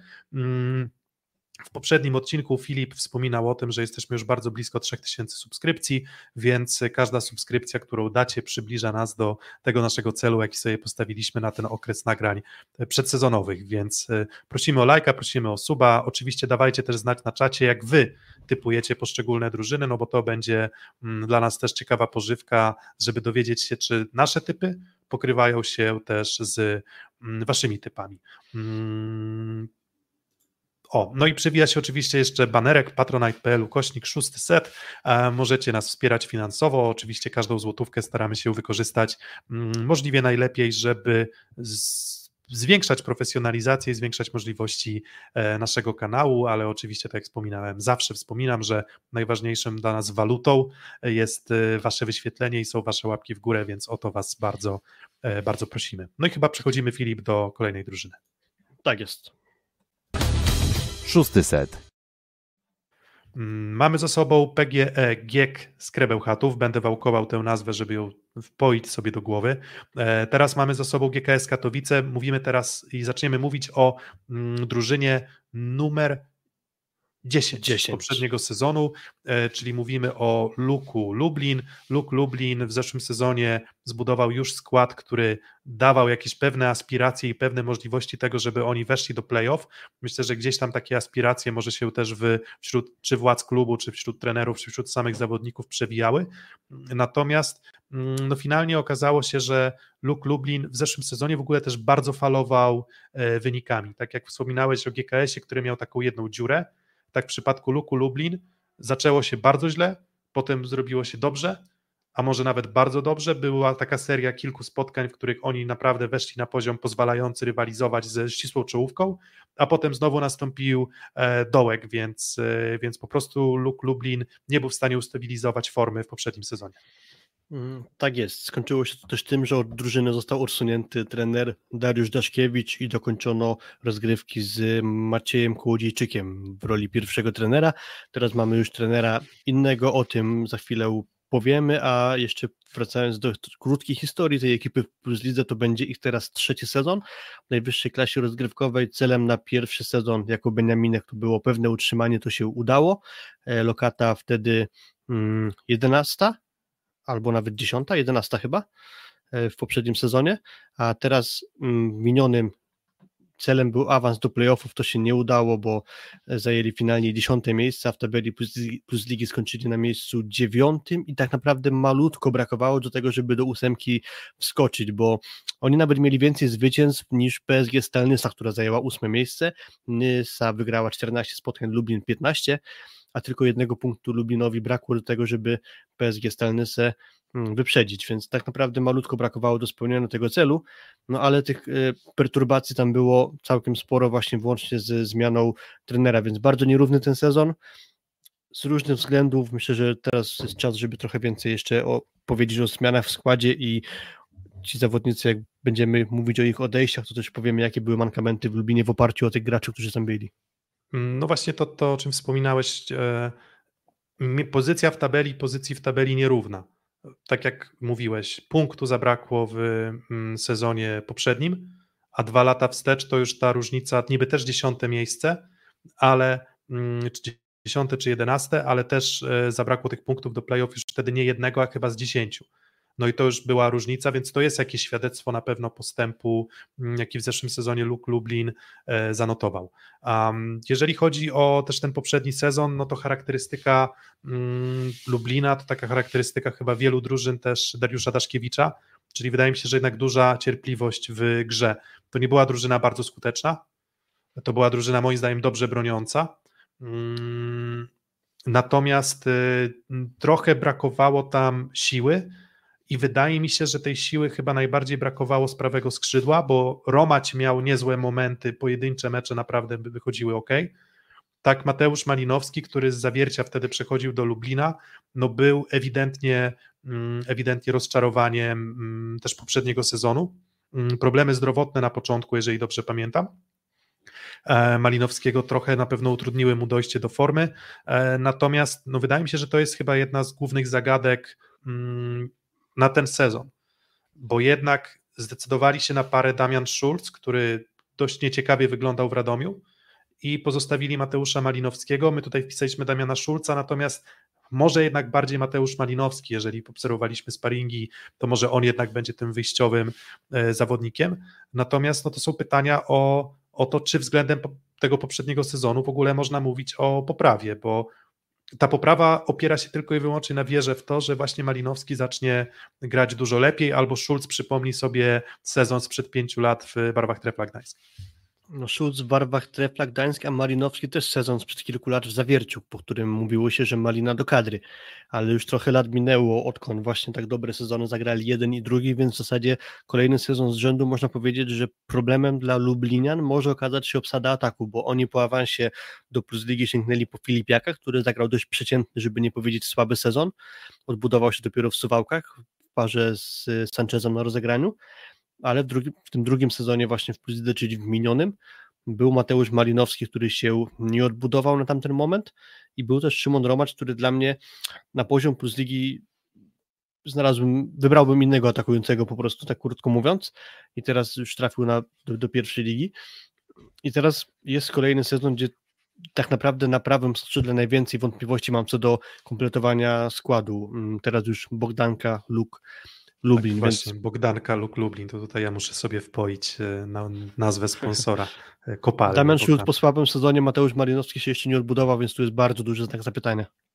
Mm, żeby podeprzeć to liczbami, w zeszłym sezonie, jeżeli chodzi o efektywność atakujących z prawego skrzydła, um, najniższa w lidze um, Luku Lublin, bo 23,3 23,3% efektywności ataku i to był, tak jak mówię, najgorszy wynik w lidze.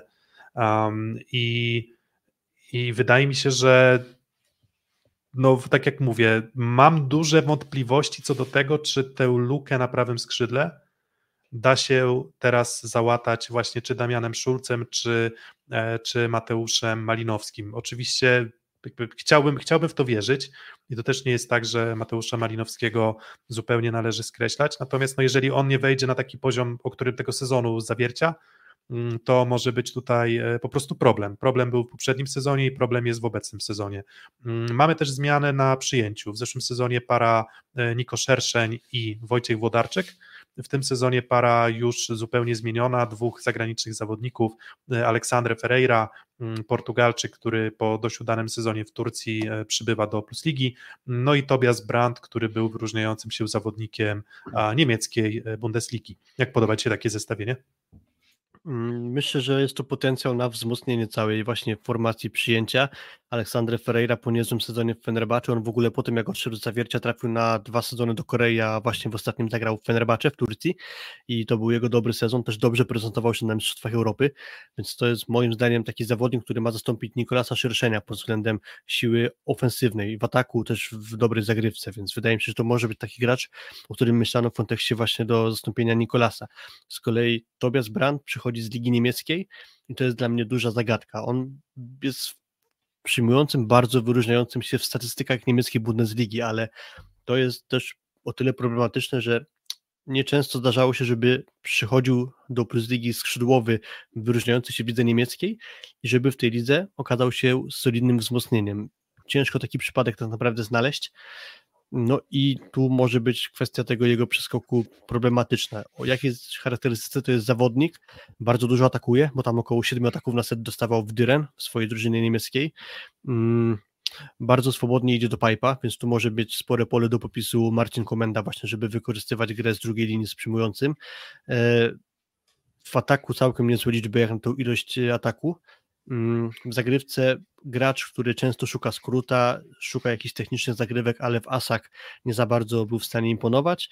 Dość średnio jak na przyjmującego w bloku, więc siłą, trochę reasumując, jego charakterystyka trochę mi przypomina takiego gracza o wielowymiarowości w ataku, że raczej nie jest jego atutem duży wyskok, duża siła ataku, raczej szuka trochę kombinowania, jakichś plasów w środek boiska, kiwek, nie zawsze siłowego uderzenia. Bardzo właśnie, jak powiedziałem, szybko, swobodnie zbiera się do pipa, no i kombinuje dużo na zagrywce, ale niekoniecznie ma takie uderzenie, które przynosi dużo asów, więc raczej zawodnik taka, techniczny. Właśnie dołącza takiej plejady w zasadzie bardzo podobnych y, zawodników w reprezentacji Niemiec, czyli czy Reichert, czy Schott, czy Brandt. Um, ale nie Karlicek. Ale nie, tak, ale nie Karlicek, tak, który akurat Myślę, nie, że on właśnie wyszedł z tej samej foremki co Schott i Reichert. W ten sposób bym powiedział. Natomiast lekki niepokój budzi to, że akurat chociażby nie on się znalazł w kadrze Michała Winiarskiego na ten sezon, bo on gdzieś w szerszej kadrze chyba był, ale nie za wiele pograł, a kilku graczy tam przed nim było. Jeżeli chodzi o Alexa Ferreira, to też tak porównując y, kilka nazwisk, jeżeli chodzi o skuteczność w ataku, no to on 326 punktów w lidze tureckiej, prawie że od deski do deski grał. Mm, no nie, nie byli w stanie nawiązać na przykład zawodnicy tacy jak właśnie Ferreira do wyników Abdela Aziza Nimira, który tam prawie dwa razy więcej punktów natrzepał e, w barwach Halkbanku Kara, natomiast skuteczność 51%, e, jeżeli chodzi o Ferreira. No i dla porównania Yasin Luati na przykład 46%, e, Atanasow 50%. Mm, więc na tle takich zawodników, którzy porównywalną liczbę punktów zdobywali w lidze tureckiej, to mm, Amateusz Mika 49% na przykład, żeby, e, żeby doprecyzować. Nikolas Hołk 48%, więc, więc wydaje się, że te wyniki Ferreiry mm, niezłe z kolei tak trochę mówiąc e, porównawczo, to Ruben Schott uprzedni sezon spędził w barwach drużyny z Berlina i Brandt na podobnych parametrach skończył statystycznie ten sezon właśnie jak Schott, przy czym Brandt znacznie częściej atakował, więc tu miał pewne utrudnienie, że musiał kręcić liczby na dużo większej liczbie ataków. Dokładnie, mm, więc e, tak, tutaj się zgodzę, że para przyjmujących e, nie mam, znaczy inaczej, nie mam może poczucia, że jest to para przyjmujących, która będzie nieprawdopodobnie lepsza od pary włodarczyk szerszeń. Mm, ale myślę, że może być lepsza. Może być na pewno porównywalna albo lepsza, więc tutaj wydaje się, że, e, że, że ten atut lewego skrzydła mm, dalej będzie. Mm, czy atut lewego skrzydła? Czy można mówić, że w zeszłym sezonie to był tak mocny atut Lublina? E, nie wiem, natomiast, e, natomiast nazwiska. Ja mam wątpliwość co do Branda większą na pewno niż Ferreira i to się chyba z Filip zgadzamy, e, że Ferreira ograny już w naszej lidze, grał w lidze koreańskiej, gdzie też nie biorą ułomków, więc raczej takich, którzy tę grę ofensywną biorą na siebie. W barwach reprezentacji Portugalii ogrom ofensywy też spoczywał na, na Aleksie Ferreirze, więc mm, wydaje się, że on przyjeżdża w dobrej formie, dobrze przygotowany i może być na pewno liderem tej drużyny. W przypadku Branda mam pewne wątpliwości. No i co? W odwodzie Maciej Krysiak, który przychodzi z e, Bydgoszczy, Bydgoszczy? w zeszłym sezonie. Tak no i Jakub Wachnik, który pozostał w drużynie z, e, z poprzedniego sezonu. Mm, też znowu dużo będzie grania, intensywne będzie granie w tym sezonie. No to czy to są według Ciebie zmiennicy, którzy są w stanie dać jakość, bo Wachnik tej jakości trochę w zeszłym sezonie nie dawał e, Bogdance Lublin. Zgadza się, Wachnik. Dobrze go znamy, więc myślę, że nie ma sensu się na dłużej zatrzymywać. Co do Macieja Krysiaka, tak jak powiedziałeś, Wisła Bydgoszcz ubiegły sezon, przepraszam, pierwszej ligi. Myślę, że to jest gracz raczej o charakterystyce ofensywnej, więc myślę, że tu będzie taki gracz powiedzmy do zastępowania ewentualnie w razie potrzeby Aleksa Ferreiry, mm, który wydaje się być tym graczem ofensywniejszym niż Brandt. No i właśnie to najbardziej się rzuca w oczy, że on sporo atakował, solidne liczby w zagrywce, 11% asów, to już jest całkiem niezły wynik 0,37 bloku na set, przyjęciu trochę słabiej, więc raczej zawodnik z Wajchu przestawiono na atak, raczej do rywalizacji z Ferreirą.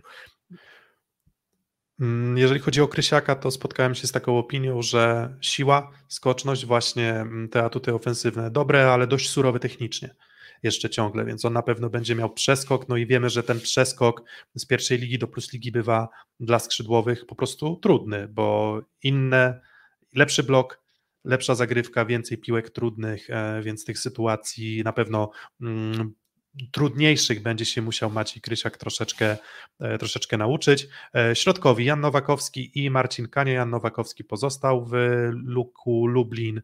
Mm, jeżeli chodzi o Marcina Kanie, no to jest zawodnik transfer z GKS-u Katowice. W poprzednim sezonie Jeffrey Jendryk, um, zawodnikiem um, lub Bogdanki, wtedy Luku Lublin, a teraz już Bogdanki, Luk, Bogdanki Luku Lublin.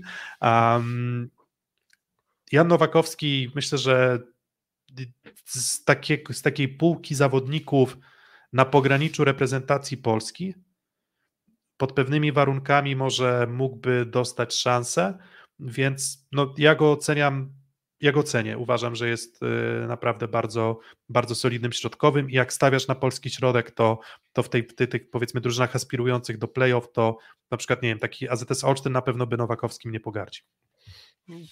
Pełna zgoda, ale o, o Olsztynie będziemy jeszcze rozmawiać. Do pary z Janem Nowakowskim wygląda na to, że będzie Marcin Kania ściągnięty z GKS-u Katowice. E, pozostali środkowi to mm, Damian Chudzik, który pozostał w Lublinie oraz Maciej Zając ściągnięty z pierwszej ligi.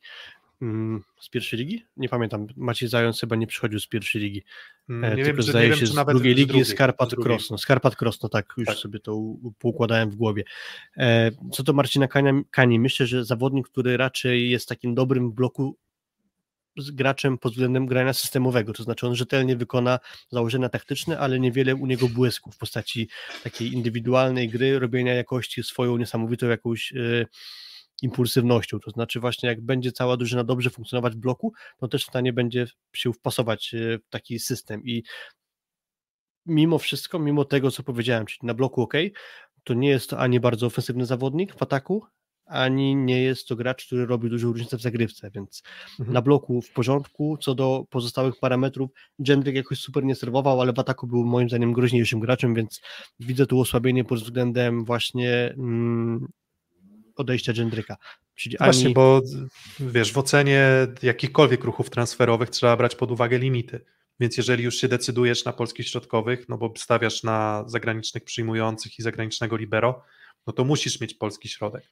Więc ten Marcin Kania jest może trochę takim mariażem z racjonalnych pobudek, a nie z emocji jakiejś wielkiej miłości.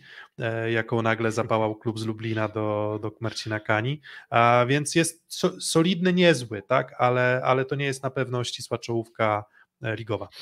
Mm, ja tutaj liczę trochę na Damiana Chudzika, którego kojarzę jeszcze z występów młodzieżowych drużyny Kasekoresowi. Uważałem, że to jest duży talent.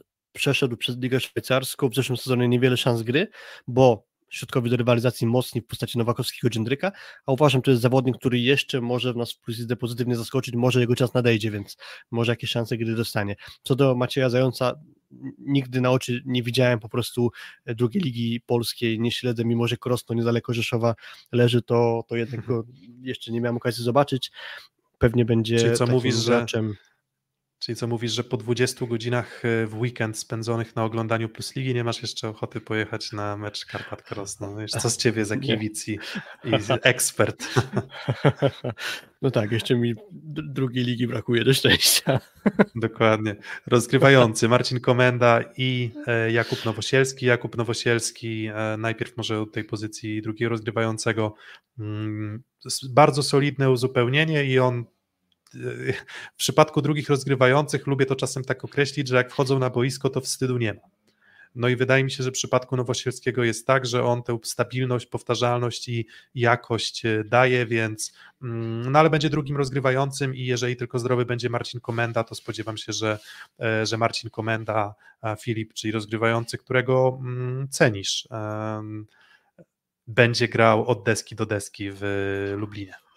Znaczy, Marcin Komenda na pewno solidny, rozgrywający, ale nie dla mnie jakaś czołówka ligowa. Myślę, że rzetelnie potrafi rozdzierać piłki przy dobrym przyjęciu, ale nie jest dla mnie żadnym y, wirtuozem, który byłby w stanie wyczarować coś ekstra, więc e, jeśli musimy szukać Polaka, no to na, na pewno bardzo dobry wybór. Mm. Dobry, dobry blok, dobra zagrywka na pewno Marcina Komendy. Nie jasowa, mm. ale sporo breaków właśnie przy zagrywce Marcina Komendy. Mm, taki, za, taki typ zawodnika rozgrywającego to też, bo to za dużo powiedziane, że nie wiem, że on nie potrafi na przykład e, rozgrywać, bo, bo to zupełnie nie o to chodzi. Natomiast no, atuty, atuty zagrywki bloku na pewno na tle części rozgrywających w naszej lidze są, mm, są widoczne. No, zgadzam się, że taki rozgrywający też, jak wspominałeś o środkowych, że są takimi środkowymi systemowymi, taki Marcin Komenda to jest myślę, że powtarzalność i, um, i spokój, bym powiedział, że to bardziej Łukasz Żygadło niż Paweł Zagumny, mm, szukając gdzieś tam takich porównań z dawnych, e, dawnych czasów, czyli myślę, że taka charakterystyka właśnie bardziej, oczywiście nie aż tak precyzyjna jak Marcin Janusz, no ale właśnie też bardziej Marcin Janusz niż Jan Firley, więc on e, tym swoim zawodnikom mm, nie wyczaruje raczej piłek e, cudownych znikąd mm, Marcin Komenda, natomiast też nie, nie ma co go skreślać. Poprzedni sezon na pewno lepszy niż te w Nysie, więc zobaczymy jak dalej będzie toczyć się kariera Komendy. Tak jest. Pozycja libero mamy Talesa Hossa, etatowego reprezentanta Brazylii od kilku już sezonów, który e, opuścił Brazylię przed startem poprzedniego sezonu, gdzie trafił do mm, Ligi Francuskiej. Mm, tam liczby na poziomie czołówki libero, ale tak naprawdę nie musimy o nim mówić w kontekście jego przeszłości w lidze francuskiej, bo bardzo dobrze go znamy z e, reprezentacji Brazylii, gdzie jest cały czas niezmiennie postacią numer jeden e, i to jest na pewno bardzo dobry libero, z pewnością będzie w stanie zastąpić Dustina Łotena, którego zabraknie w drużynie z Lubina, do pary z nim Maksym Kędzierski, o którym dużo dobrego słyszałem, bo to też jest zawodnik, który kiedyś grał w młodzieżowych drużynach Resowi. I usłyszałem swego czasu, że to jest bardzo duży talent. W poprzednim sezonie pierwsza liga, w Lechii Tomaszów Mazowiecki, on wchodził raczej jako libero do obrony, a jako libero przyjmujący zagrywki tam był Bartosz Dzierżyński, więc y, to jest tak, że mm, trochę pograł w pierwszej lidze, ale raczej jako libero broniący, a nie przyjmujący. Więc na pewno mm, a powiedz, jest, e, ale... A, a, powiedz, czy to rodzina Michała Kędzierskiego? E, brat, młodszy brat y, Michała Kędzierskiego. Dokładnie. Więc kolejna, kolejna familia siatkarska się spotyka w, w Plus Lidze. Mamy już Popiwczaków dwóch, teraz mamy Kędzierskich, no i tam kilka tych postaci, gdzieś tam ta rodami siatkarskimi, dobrymi genami się ta, mm, ta nasza siatkówka ligowa też odrobinę toczy. Um, o Talesie wszystko powiedziałeś. Myślę, że wystarczy mm, zaawizować go jako podstawowego libero reprezentacji Brazylii i to już jest myślę, że bardzo mocny wyznacznik tego, że to powinien być gwarant dobrego poziomu. Oczywiście z czasem dobry poziom reprezentacji jako takie niekoniecznie musi się przekładać na, e, na wysoki poziom mm, samego zawodnika, ale w przypadku Talesa jest to e, faktem. Mm, przechodzimy teraz do grafiki, która pokaże Wam, jak wyglądają też zmiany personalne. Um, Malinowski, Malinowski, Schulz w nawiasie to są takie dwie postaci, które um, Mali, znaczy oznaczamy to na szaro, bo może jednak Malinowski będzie grał, bardzo trudno powiedzieć, natomiast jeżeli chodzi o Damiana Schulza, um, no dwójka atakujących na ten moment na podobnym poziomie, natomiast ja mam wątpliwości co do tej zmiany. Brad Ferreira versus Włodarczyk Szerszeń może być na plus, Nowakowski Kania versus Nowakowski Dżendryk na środku raczej na minus. Pomijam to, że Jendryk nie grał bardzo dobrze i na przykład na bloku często był pogubiony, więc więcej spokoju i stabilności, powtarzalności Kani, ale jednak parametry fizyczne i jakość ofensywy, no to chyba na korzyść Jendryka e, wypadała Filip. Mm, zgadzam się, też trochę poniekąd to powiedziałem, więc nie będę się powtarzał w tej kwestii. E, masz rację. No i komenda oczywiście mm, zostaje, czyli był w poprzednim sezonie rozgrywający podstawowym i dalej nim będzie. No i Dustin Watten versus Thales Hoss. Dustinie Wattenie w zeszłym sezonie gdzieś tam też słyszałem taką opinię, że na przykład on dość słabo przyjmuje, jeżeli dobrze pamiętam, floty. Um, czyli że można było go tam na przykład flotem ruszyć, no to ciekaw jestem, jak na przykład do zagrywki przystosuje się Thales, bo jednak tej nowej ligi zazwyczaj się uczysz a więc e, część zawodników tę wiedzę już nabywa na temat tego, na co stać poszczególnych zawodników na zagrywce. Dla Talesa będzie to coś zupełnie nowego, ale samo nazwisko wygląda, e, wygląda dobrze. Mm, I kontynuując e, plusy i minusy, no to wspominaliśmy o tym Talesie bardzo dużo, no to ten Tales na pewno tę jakość na libero da.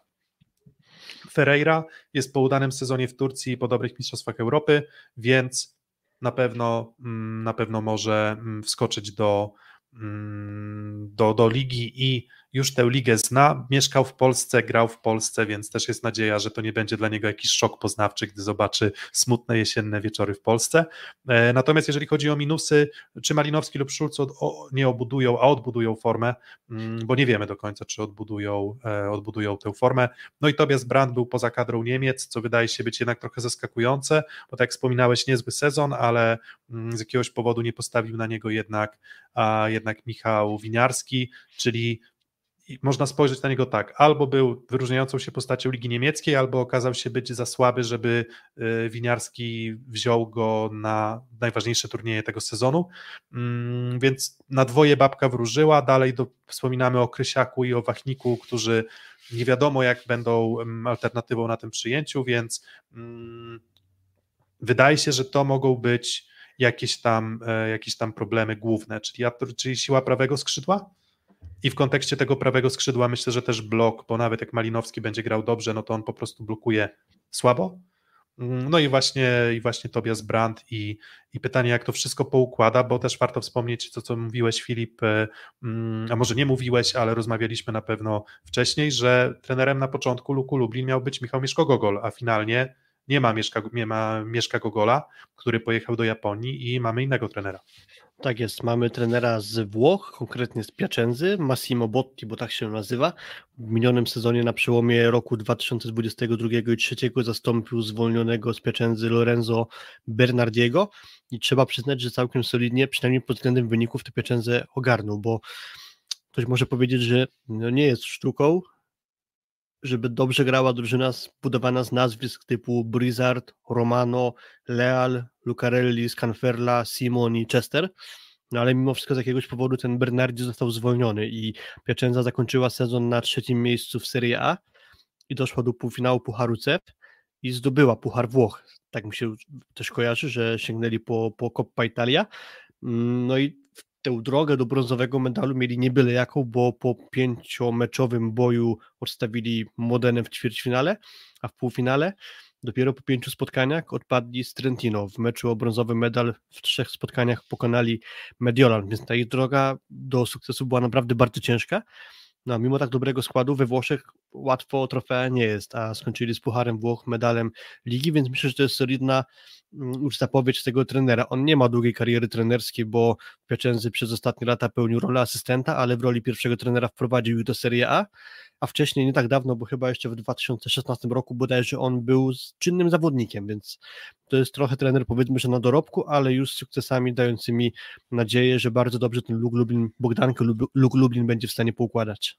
Mm, przekonamy się, mm, natomiast na pewno mm, coś, co może być pewnym utrudnieniem jest to, że on nie tworzył sobie tego składu czyli że jednak decyzje personalne głównie dobierał jednak pod kątem swojego składu Mieszko Gogol, a może to się nie wpisywać do końca w filozofię mm, włoskiego trenera. Natomiast to nie jest to postać anonimowa, to nie jest żaden pozorant, to nie jest żadna postać, która, mm, która wzięła się znikąd, to nie jest żaden drugi Paulo Montagnani, e, który no właśnie w moim AZS-ie Olsztyn mm, znikąd się pojawił i w sumie nikt nie wiedział do końca, co to jest za człowiek i co potrafi. Okazało się, że nie za dużo. Nie jest to, nie wiem, Marco Bonitta gdzieś tam odgruzowywany e, z dołów ligi. Wydaje się, że to jest trener na pewno z potencjałem. No i tak jak mówisz, też na dorobku, więc jeszcze wszystko przed nim i on będzie teraz zbierał mm, doświadczenia w nowej lidze. Mm, nasze typy. Twój typ 7-9, miejsca od 7 do 9, czyli jak rozumiem, bardziej playoff niż nie playoff. Tak, myślę, że to jest realna możliwość, żeby Lublinianie po raz pierwszy właśnie w swojej historii zameldowali się w playoffie. Też wśród tych plusów widzę lekką poprawę na przyjęciu, może trochę więcej stabilności w tej formacji z racji tego, że Nikolas Szerszeń dość często łapał pewne urazy, co go eliminowało z gry, więc sądzę, że ta trójka właśnie Ferreira, Brandt i ewentualnie Krysiak będzie w stanie tutaj dać pewną stabilność, lekko, lekkie przyjęcie niż mieli w poprzednim sezonie.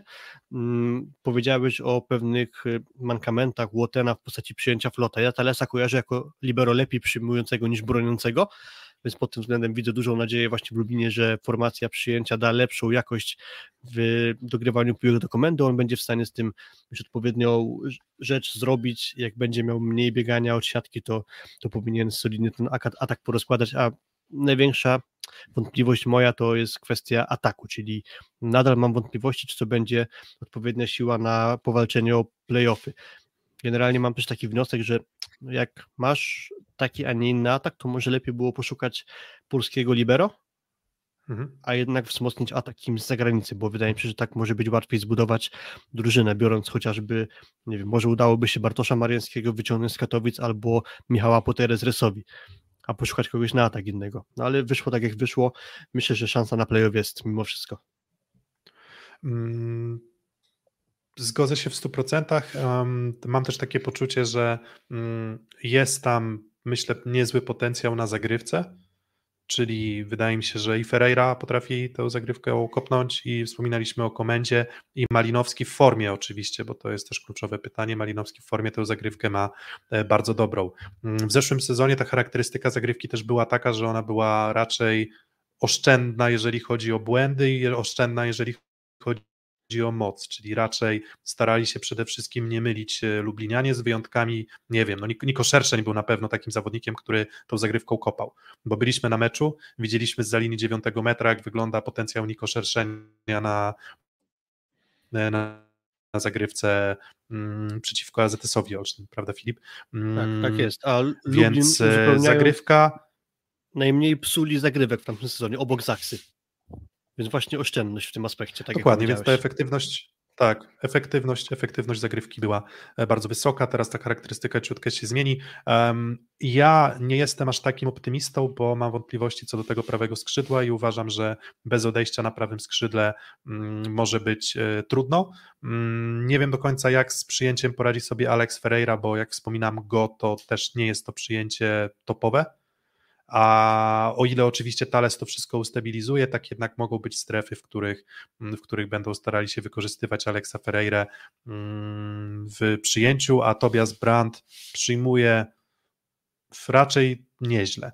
Mm, więc tutaj jakieś tam obawy mam może o przyjęcie Alexa Ferreira, natomiast no ja daję 9-11, natomiast no moim zdaniem wyżej od Skry, mimo wszystko i wyżej od GKS-u Katowice mm, i na pograniczu playoff na pewno, mm, na pewno mogą, e, mogą się znaleźć. E, to co, suwałki e, i kończymy nagranie, tak? Tak jest. Szósty set. Ślepsk Malow Suwałki. Ślepsk Malow Suwałki, czyli drużyna dziewiąta mm, poprzedniego sezonu.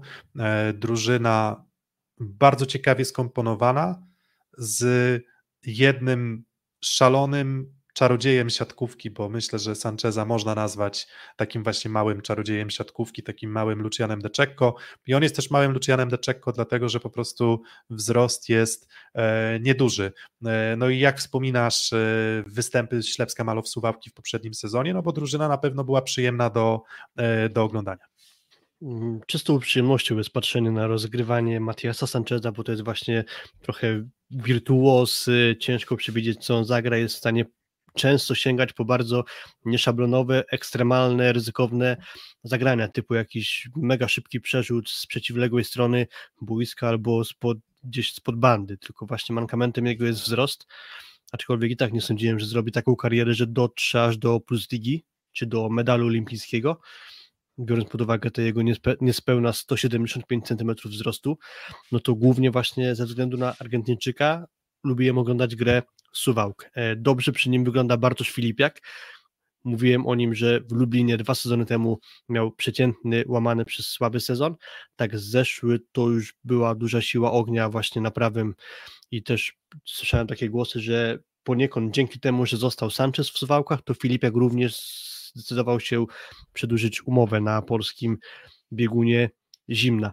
Generalnie sporo zmian w Suwałkach e, i myślę, że warte dokonania, bo trochę mankamentów ta drużyna mimo wszystko w swoim składzie znaczy miała spore, sezon temu. Spore, spore, nie spore właśnie. Ja bym powiedział, że akurat pozostawienie czterech zawodników z siedmiu takiego trzonu drużyny, czyli tych wyróżniających się, to wydaje mi się, że, mm, że jednak jest nie tak dużo zmian e, na tle Co, części na środku zespołu. Szukałem trochę więcej jakości na środku na pewno, no i kwestia rotacji na przyjęciu, czyli poszukania w końcu takiej stabilnej dwójki, która dawałaby taką pewną jakość.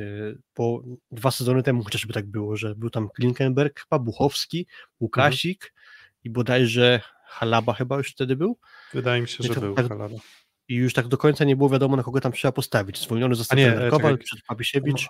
No nie, nie, może nie pamiętam, może był Halaba, może nie, ale Buchowski, Klinkenberg, Linkenberg Łukasik, Łukasik. był na pewno i jeszcze był czwarty ktoś tam chyba jeszcze w takiej rotacji szerokiej. zaraz No ale nieważne. W każdym, ale- razie, w każdym razie tak, to było, było tam niedużo takiej stabilności, jak wspominałeś. E, Więc teraz może poszukanie większej stabilizacji na tej pozycji, plus właśnie trochę odkurzenia środka może. I tutaj bym poszukał właśnie konieczności zmian. Na, fili- na rozegraniu atak bardzo w porządku, na libero bez zmian. Są te zmiany na środku, na przyjęciu. Zobaczymy, do czego to drużynę z Suwałk doprowadzi.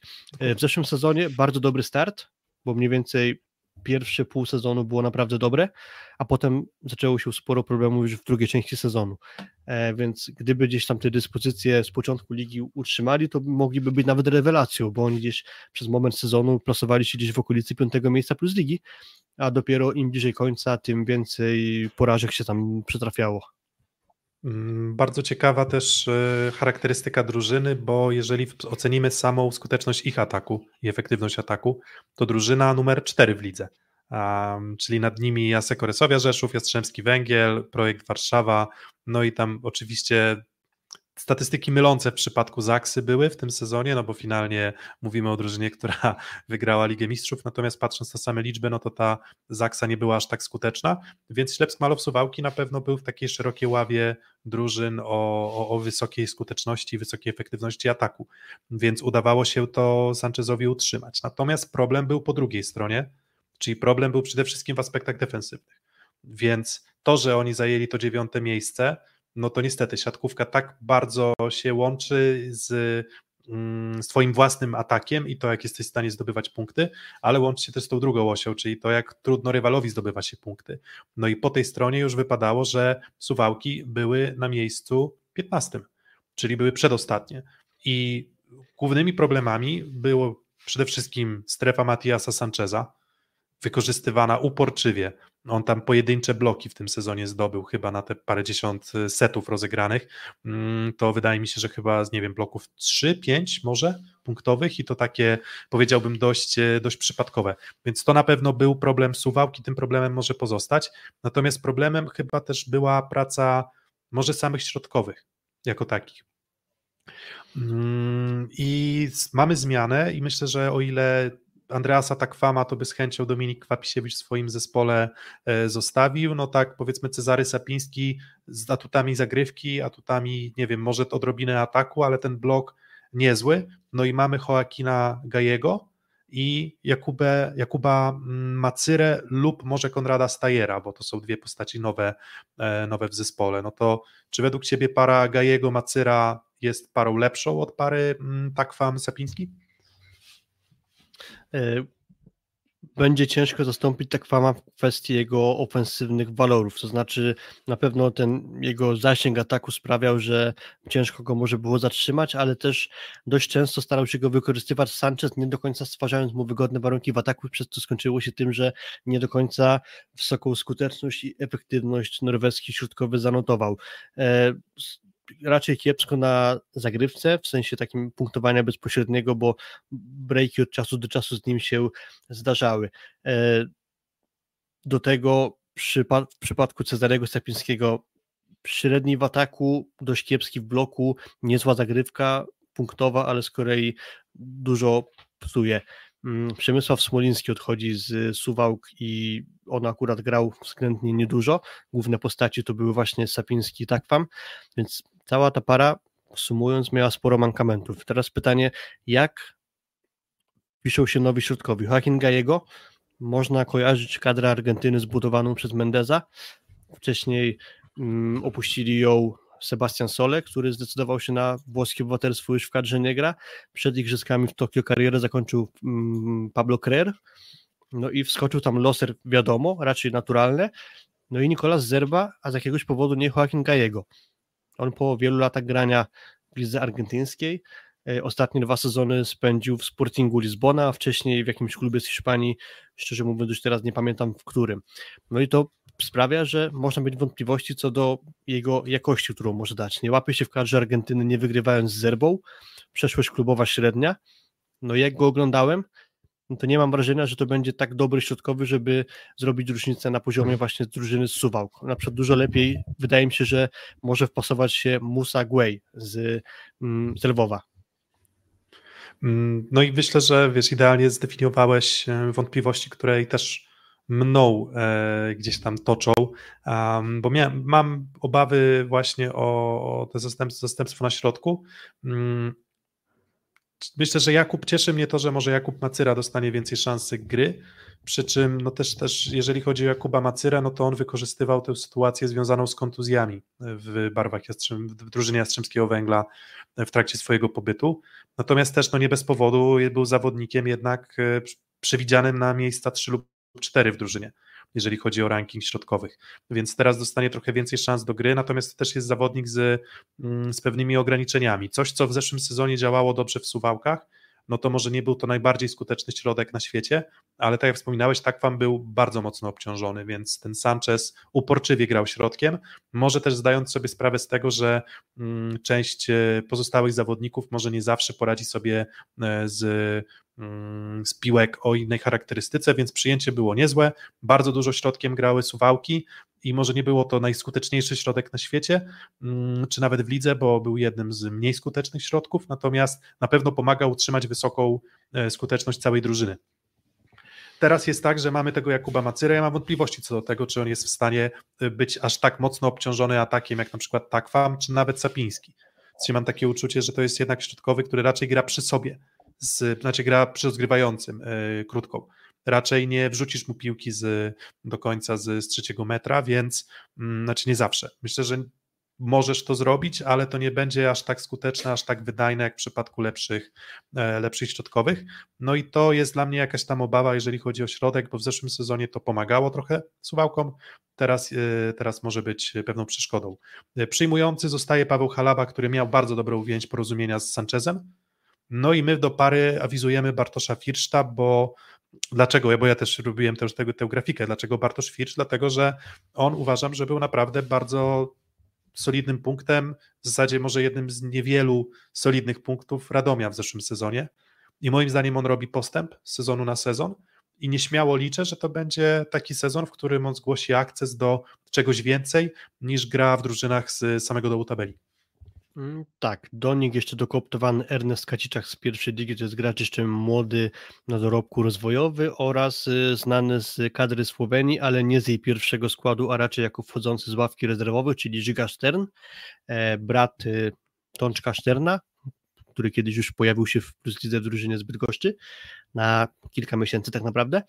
No i Żyga Stern nie gra w pierwszej szóstce kadry Słowenii, bo ma tam bardzo dużą przeszkodę w postaci Klemena czy Bula, Tiny Urnauta, czy też Mozicia, jeśli by on grał na przyjęciu. Stąd y, kwestia tego, że on jest raczej rezerwowym. Do tej pory dość przeciętna przeszłość klubowa. Ostatni sezon w VB Friedrichshafen y, nie doczekał końca sezonu w podstawowym składzie z racji tego, że chyba mu się przydarzyła jakaś y, kontuzja, więc sama końcówka Bundesligi bez jego udziału na boisku, a gdy już się na boisku pojawiał, no to jak sprawdziłem sobie liczby z grania przeciwko czołówce ligowej, to wypadał dość blado w ataku. Tutaj mam właśnie największe wątpliwości co do tego, jak on będzie w stanie brać na siebie ciężary ofensywne, bo nadal uważam, że cała ta drużyna będzie funkcjonować na szybkości grania Sancheza na lewe skrzydło, bo solidne odejście w postaci Filipiaka jest, ale siły ognia na lewym mi tu trochę znowu zaczyna brakować. Mm, nie no, oczywiście, oczywiście tutaj ta charakterystyka się nie zmieni. E, natomiast uważam, że właśnie Bartosz Firsz może dać ciut już więcej e, jakości, jeżeli chodzi o, o, myślę, że też mam nadzieję, że i ofensywę. Natomiast e, bardzo dobrze przyjmował barwach Radomia, więc tak jak mówisz, pomysł na grę będzie jasny. Przyjmujemy dobrze i gdy przyjmujemy dobrze, gramy szybko, wykorzystujemy środek, Halaba idzie na te bardzo dobrze funkcjonujące w poprzednim sezonie quickie, gdzie właśnie z Halabą jest trochę tak, że w zasadzie on już idzie w górę, a Sanchez mu już wystawia piłkę, więc to naprawdę ta nić porozumienia była bardzo, bardzo mocna. Natomiast mm, dalej będą akuratne problemy związane z e, siłą na piłce wysokiej, czyli jeżeli uważam, że są tacy zagrywający w lidze, który, którzy niezależnie od jakości przyjęcia, jaką proponuje ci, nie wiem, czy Firsz, czy Halaba, czy Czunkiewicz, um, sorry, bo tak się na chwilę, na chwilę zaciąłem, ale um, nie zawsze będą w stanie utrzymać przyjęcie i w momencie, gdy nie będą w stanie tego przyjęcia utrzymywać, może być problematycznie. No i to, co wspominałem, problemy z defensywą Suwałk. Czyli jeżeli ktoś nie złamie ich zagrywką, a jest kilka drużyn, które tej zagrywki mogą nie mieć wystarczającej na to, żeby suwałki złamać, no to suwałki myślę, że będą radzić sobie, mm, radzić sobie bardzo dobrze i będą wygrywać, ale mogą przegrywać większość spotkań, w których ktoś ich odrzuci od siatki, co w sumie nie zmienia ich charakterystyki, bo tak było i w poprzednim sezonie i tak będzie i, i dalej, więc w zasadzie mówimy o drużynie, która wygląda na to, że będzie miała bardzo podobne atuty i bardzo podobne problemy jak w poprzednim sezonie. Tak, i kwestia ofensywy na środku to jest jedno, ale też mam wątpliwości, czy oni się wzmocnili środkowymi, którzy dadzą lepszą jakość na bloku, bo mówisz cały czas o tym, że tam były problemy defensywne w tym zespole. Jak się poprzeglądałem trochę Joaquinowi Gajego, to nie chcę, żeby to zabrzmiało obraźliwie, ale on jest trochę klockowaty w ruchach, to znaczy niezbyt dynamiczny, niezbyt elastyczny, dość powoli się zbiera. Nie, nie jak czołg nie mozolnie, ale też nie należy do najszybszych środkowych. Stąd mam tutaj trochę wątpliwości, czy on dobrze będzie w stanie wpasować się w działanie na bloku na poziomie plus ligi. Podobne zdanie mam o Mastyrze, czyli systemowo dobrze, ale czy da jakoś taką indywidualną, jakiś swój błysk, to mam co do tego wątpliwości, czy cała formacja, blok, obrona będzie z różnych względów wyglądać lepiej niż w zeszłym sezonie, bo nadal mamy, pamiętajmy, ten problem z Sanchezem na bloku. Mm, dokładnie problem z Sanchezem na bloku i też i skrzydłowi no nie mają takiej charakterystyki, o której można było powiedzieć, że no nie wiem, jak sobie myślę o atutach Pawła Halaby, to nie powiedziałbym, że blok jest jego fantastycznym atutem. Filipiak myślę, że dość dobrze, e, dość dobrze blokuje. Widzicie zmiany na ekranie w porównaniu do poprzedniego sezonu, więc zostaje Filipiak, Sanchez, Czunkiewicz i Halaba w podstawowym składzie, czyli taki trzon drużyny. Swoją drogą Suwałki bardzo szybko podpisały też tych zawodników. Oni chyba ogłosili ich już w ogóle w pakiecie. Y, przebąkiwało się o tym, że może Filipiak y, trafi do, do innego klubu, może trafi do Olsztyna. Finalnie on w Suwałkach został. Mm, Halaba i Kujundzic. Kujundzic był niezłym zawodnikiem, a właśnie możemy mówić o największych teraz y, ubytkach. E, to kandydatury chyba dwie, no właśnie albo Kujundzic, albo Andreas Takwam, no i wydaje się jednak mi osobiście, że to Andreas Takwam jest tą postacią, której będzie brakować, szczególnie z uwagi na, mm, na to, że to, co wspominałeś o Gajego, pozostajemy odrobinę sceptyczni, a Takwam samo to, że idziesz do Zaksy, moim zdaniem jest dobrym świadectwem tego, że to jest zawodnik, którego ktoś widzi w drużynie aspirującej do walki o, mm, o czołowe lokaty. Zgadzam się, dla mnie największą stratą będzie Andras Takman i właśnie no, dużo mówi samo to, że idzie do Zaksy zastąpić pewnie Norberta Hubera, bo tak pewnie jest to przemyślane, że skoro odchodzi Hubera, przychodzi Takwan, to tak ta zmiana będzie wyglądać. Y, po stronie największych wzmocnień, hmm, no to Świrsz, wydaje mi się, że na niego trzeba byłoby wskazać, ale chcąc to streścić w jednym zdaniu, jak to ruchy wyglądają odejścia, wzmocnienia czy też transfery do klubu, to jeśli jest ten zespół wzmocniony, to co najwyżej minimalnie, to znaczy może być jakość bardzo podobna jak w zeszłym sezonie, nie widzę tu jednego gracza, który miałby zrobić dużą różnicę względem tego, co było w zeszłym sezonie, a na przyjęciu wręcz obawiam się, że strata Kujudzicia będzie nie do załatania. Hmm. Wydaje mi się, że no okej, okay, no jakby coś kluczowa dla mnie postać tej First. drużyny to będzie właśnie First. Um, bo od niego będzie ogromnie dużo zależeć. On już w zeszłym sezonie e, w barwach Radomia, jak patrzę, 48% w ataku, 30% efektywności ataku, czyli powiedziałbym nic, um, nic specjalnego, ale dokładał asy, dokładał bloki, więc to będzie no drużyna na pewno bardzo zbalansowana. Mm, natomiast wydaje mi się, że no jednak utrzymuje, że Takwam będzie największym problemem. First będzie tą najlepszym transferem, przynajmniej ja tak awizuję e, i liczę na to, że zrobi kolejny, kolejny krok naprzód. On swoją drogą też, nie wiem czy tam nie, nie wszyscy to wiedzą, ale on był chyba MVP Mistrzostw Polski Juniorów e, swego czasu.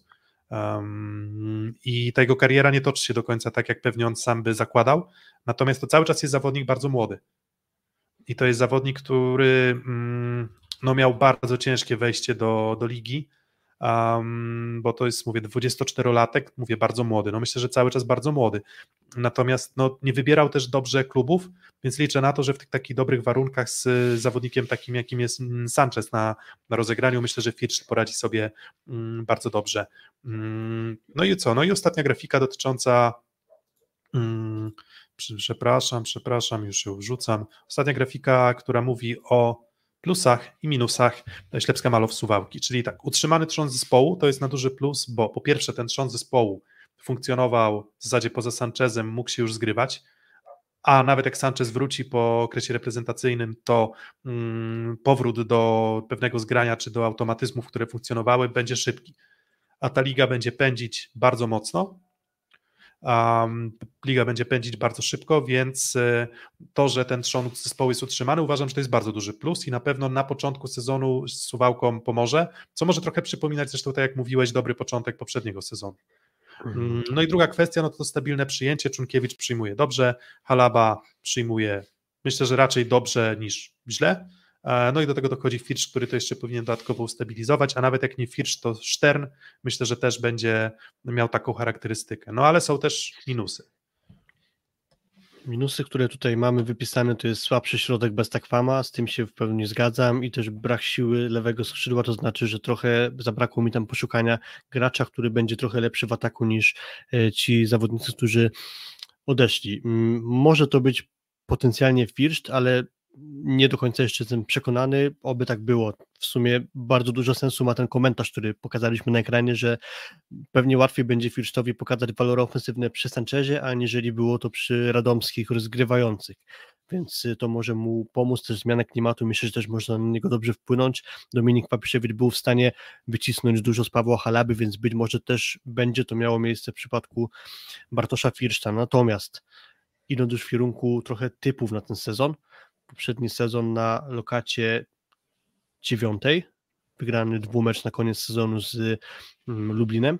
Tak teraz uważam, że może być trochę słabiej. Dlaczego? Dlatego, że nie widzę tutaj istotnego wzmocnienia. Nie widzę jednego gracza, który miałby przyjść i zrobić dużą różnicę względem poprzedniego sezonu lub wyraźnie, żeby jakaś formacja miała funkcjonować dużo lepiej niż w tamtym sezonie. Mówimy, że może trochę na bloku, może ten Firsz trochę lewe skrzydło poprawi. Nie za bardzo wierzę, żeby Żyga Stern miał być graczem, który odmieni lewe skrzydło Suwałk, więc stabilizacja, może nawet potencjalnie z lekkim regresem, a kilka drużyn z okolic Suwałk w tabeli myślę, że trochę się wzmocniło. Stąd taki typ, jak jest na ekranie, czyli 11-13. Mm, no ja właśnie mam cały czas uczucie, że mm, mówię, te mechanizmy, które działały w poprzednim sezonie będą działać i teraz. pod Suwałkami typuje Radom, typuje Częstochowę, czyli 16, 15 typuje Lwów, 14 typuje Kuprum, pewnie gdzieś tam na, na, na miejscu 12 mm, i GKS Katowice. Więc mm, mam uczucie, że te drużyny w dole tabeli nie są jakoś, nie wiem, nie wiadomo jak drastycznie mocniejsze na tyle, żeby uszczknąć pewien monolit, który udało się Suwałkom E, Suwałkom już w poprzednim sezonie stworzyć. Więc bazowanie na tym, co już działa, akurat w tym przypadku e, trochę takim trybem, że lepsze jest wrogiem dobrego, to tak właśnie mam wrażenie, że trochę czy władze klubu, czy trener Kwapisiewicz do tego podszedł, bo wydaje mi się, że to jest gdzieś tam zbliżona konstrukcja mm, i wydaje mi się, że ta konstrukcja będzie działać, działała w zeszłym sezonie momentami całkiem imponująco z oczywistymi problemami, więc nie sądzę, żeby to była drużyna, która będzie w stanie postawić się drużyną, nie wiem, dużo wyżej w tabeli, czyli na przykład top 5, top 6. Zresztą tak było w poprzednim sezonie, że Suwałki jak wygrywały, to wygrywały z tymi drużynami w dole tabeli. Wydaje mi się, że trzeba mieć sporo siły ofensywnej, sporo siły zagrywki, żeby Suwałki złamać, żeby nie były w stanie grać swojej płynnej i bardzo skutecznej siatkówki, no i dlatego ja ich stawiam jednak właśnie w okolicach 8, 8-10, e, czyli taka, taka drużyna, która um, no, Ale powinna. 10. E, wiesz co, tak, no bliżej 9, 9, 10, natomiast jak tak sobie przeanalizowałem moje typy, to zaraz wyjdzie, że ja, e, wiesz, nikogo do, do playoffów nie wytypuję zaraz poza czołową piątką i tam, nie wiem, może, nie wiem, AZS Olsztyn, tak, czy, e, więc e, myślę, że myślę, że playoffy są realne w przypadku. Suwałk, mhm. więc może nawet powiedziałbym, że ja bardziej dam dziewiąte niż, niż dziesiąte, przy czym tak jak mówię, no zabrakło mi jakiegoś wow w ruchach transferowych. Zabrakło mi ciut lepszego środkowego, może postawienia na kogoś, kto nie będzie, nie wiem, nazwiskiem oklepanym, tylko będzie właśnie tam młodym, e, młodym talentem, który potencjalnie może eksplodować. Moim zdaniem w tej drużynie właśnie poza Firsztem takich postaci troszeczkę brakuje. Więc wiemy, co ci zawodnicy potrafią, wiemy, jaką mają charakterystykę, i ona się znacząco nie zmieni. W zeszłym sezonie dało to miejsce dziewiąte, w tym sezonie myślę, że dość podobna lokata. To ja trochę sceptycznie podchodzę do tak skonstruowanej ekipy z Suwałk i bliżej widzę ich miejsca nawet 13, a nie 11, mimo tego podanego przedziału 11-13. Gdybym miał zdradzić swoją kolejność tabeli, to od końca wygląda mi to na Radom, miejsce 15 Częstochowa i 14 Lwów i tutaj właśnie na miejscu 13 nad Lwowem widziałbym Suwałki, gdzieś w sąsiedztwie Lubina i Katowic, czyli miejsce 11 Katowice, 12 Lubin, 13 Suwałki i dalej Lwów, Częstochowa, Radom. Mniej więcej tak mi się to układa, a a jak wyjdzie, zobaczymy. Przekonamy tak to, się, tak. tak możemy, to typujemy, się... poszło w internet, zapisze się, będziemy rozliczani. Dokładnie, dokładnie. Możecie tak, możecie zapisywać, grafika funkcjonuje, więc, um, więc będziemy ją udostępniać w social mediach. No i oczywiście nasze typy będzie, będą do odsłuchania, my się ich nie wstydzimy. Mm, zazwyczaj trafiamy nieźle. Natomiast mam takie uczucie, że suwałki raczej nie będą fenomenalnym odkryciem tego sezonu, bo szukam drużyn, które pomimo gdzieś tam takiej chłodnej, racjonalnej oceny będą w stanie zrobić coś więcej, no to nie wydaje mi się, żeby Suwałki miały po prostu potencjał do tego, żeby, e, żeby to zrobić. Ale zobaczymy, więc tak Ale... jak wspominaliśmy w przypadku poprzednich drużyn, że mogą nas zaskoczyć. Ale to jest z kolei taki kamyk jeszcze do ogródka. Załóżmy, że Filipiak nie powtórzy dobrego sezonu że nawiąże do powiedzmy trzech poprzednich, po tym jak odszedł z Gdańska, czyli znaczy dwóch w zasadzie, bo w słaby sezon, z Petkowiciem wymieniany i słaby w Lublinie. No i zabraknie tej siły ognia z prawego no to już wtedy będzie duży naprawdę kłopot, żeby tam... No, no, tak, ale z drugiej strony to też można było powiedzieć, no co będzie jak, nie wiem, Alan będzie kontuzjowany w Olsztynie, co będzie jak Ferreira nie, nie wejdzie odpowiednio do, e, do ligi, co będzie jak, nie wiem, tam Heinz nie zrobi postępów, Kuprum Lubin i tak dalej, i tak dalej, więc, więc oczywiście problem tutaj jest taki, że e, Żakieta nie wydaje się być takim, nie wiem, bardzo mocną alternatywą dla Filipiaka, więc jest albo nie... Filipiak, albo nie bardzo wiadomo kto.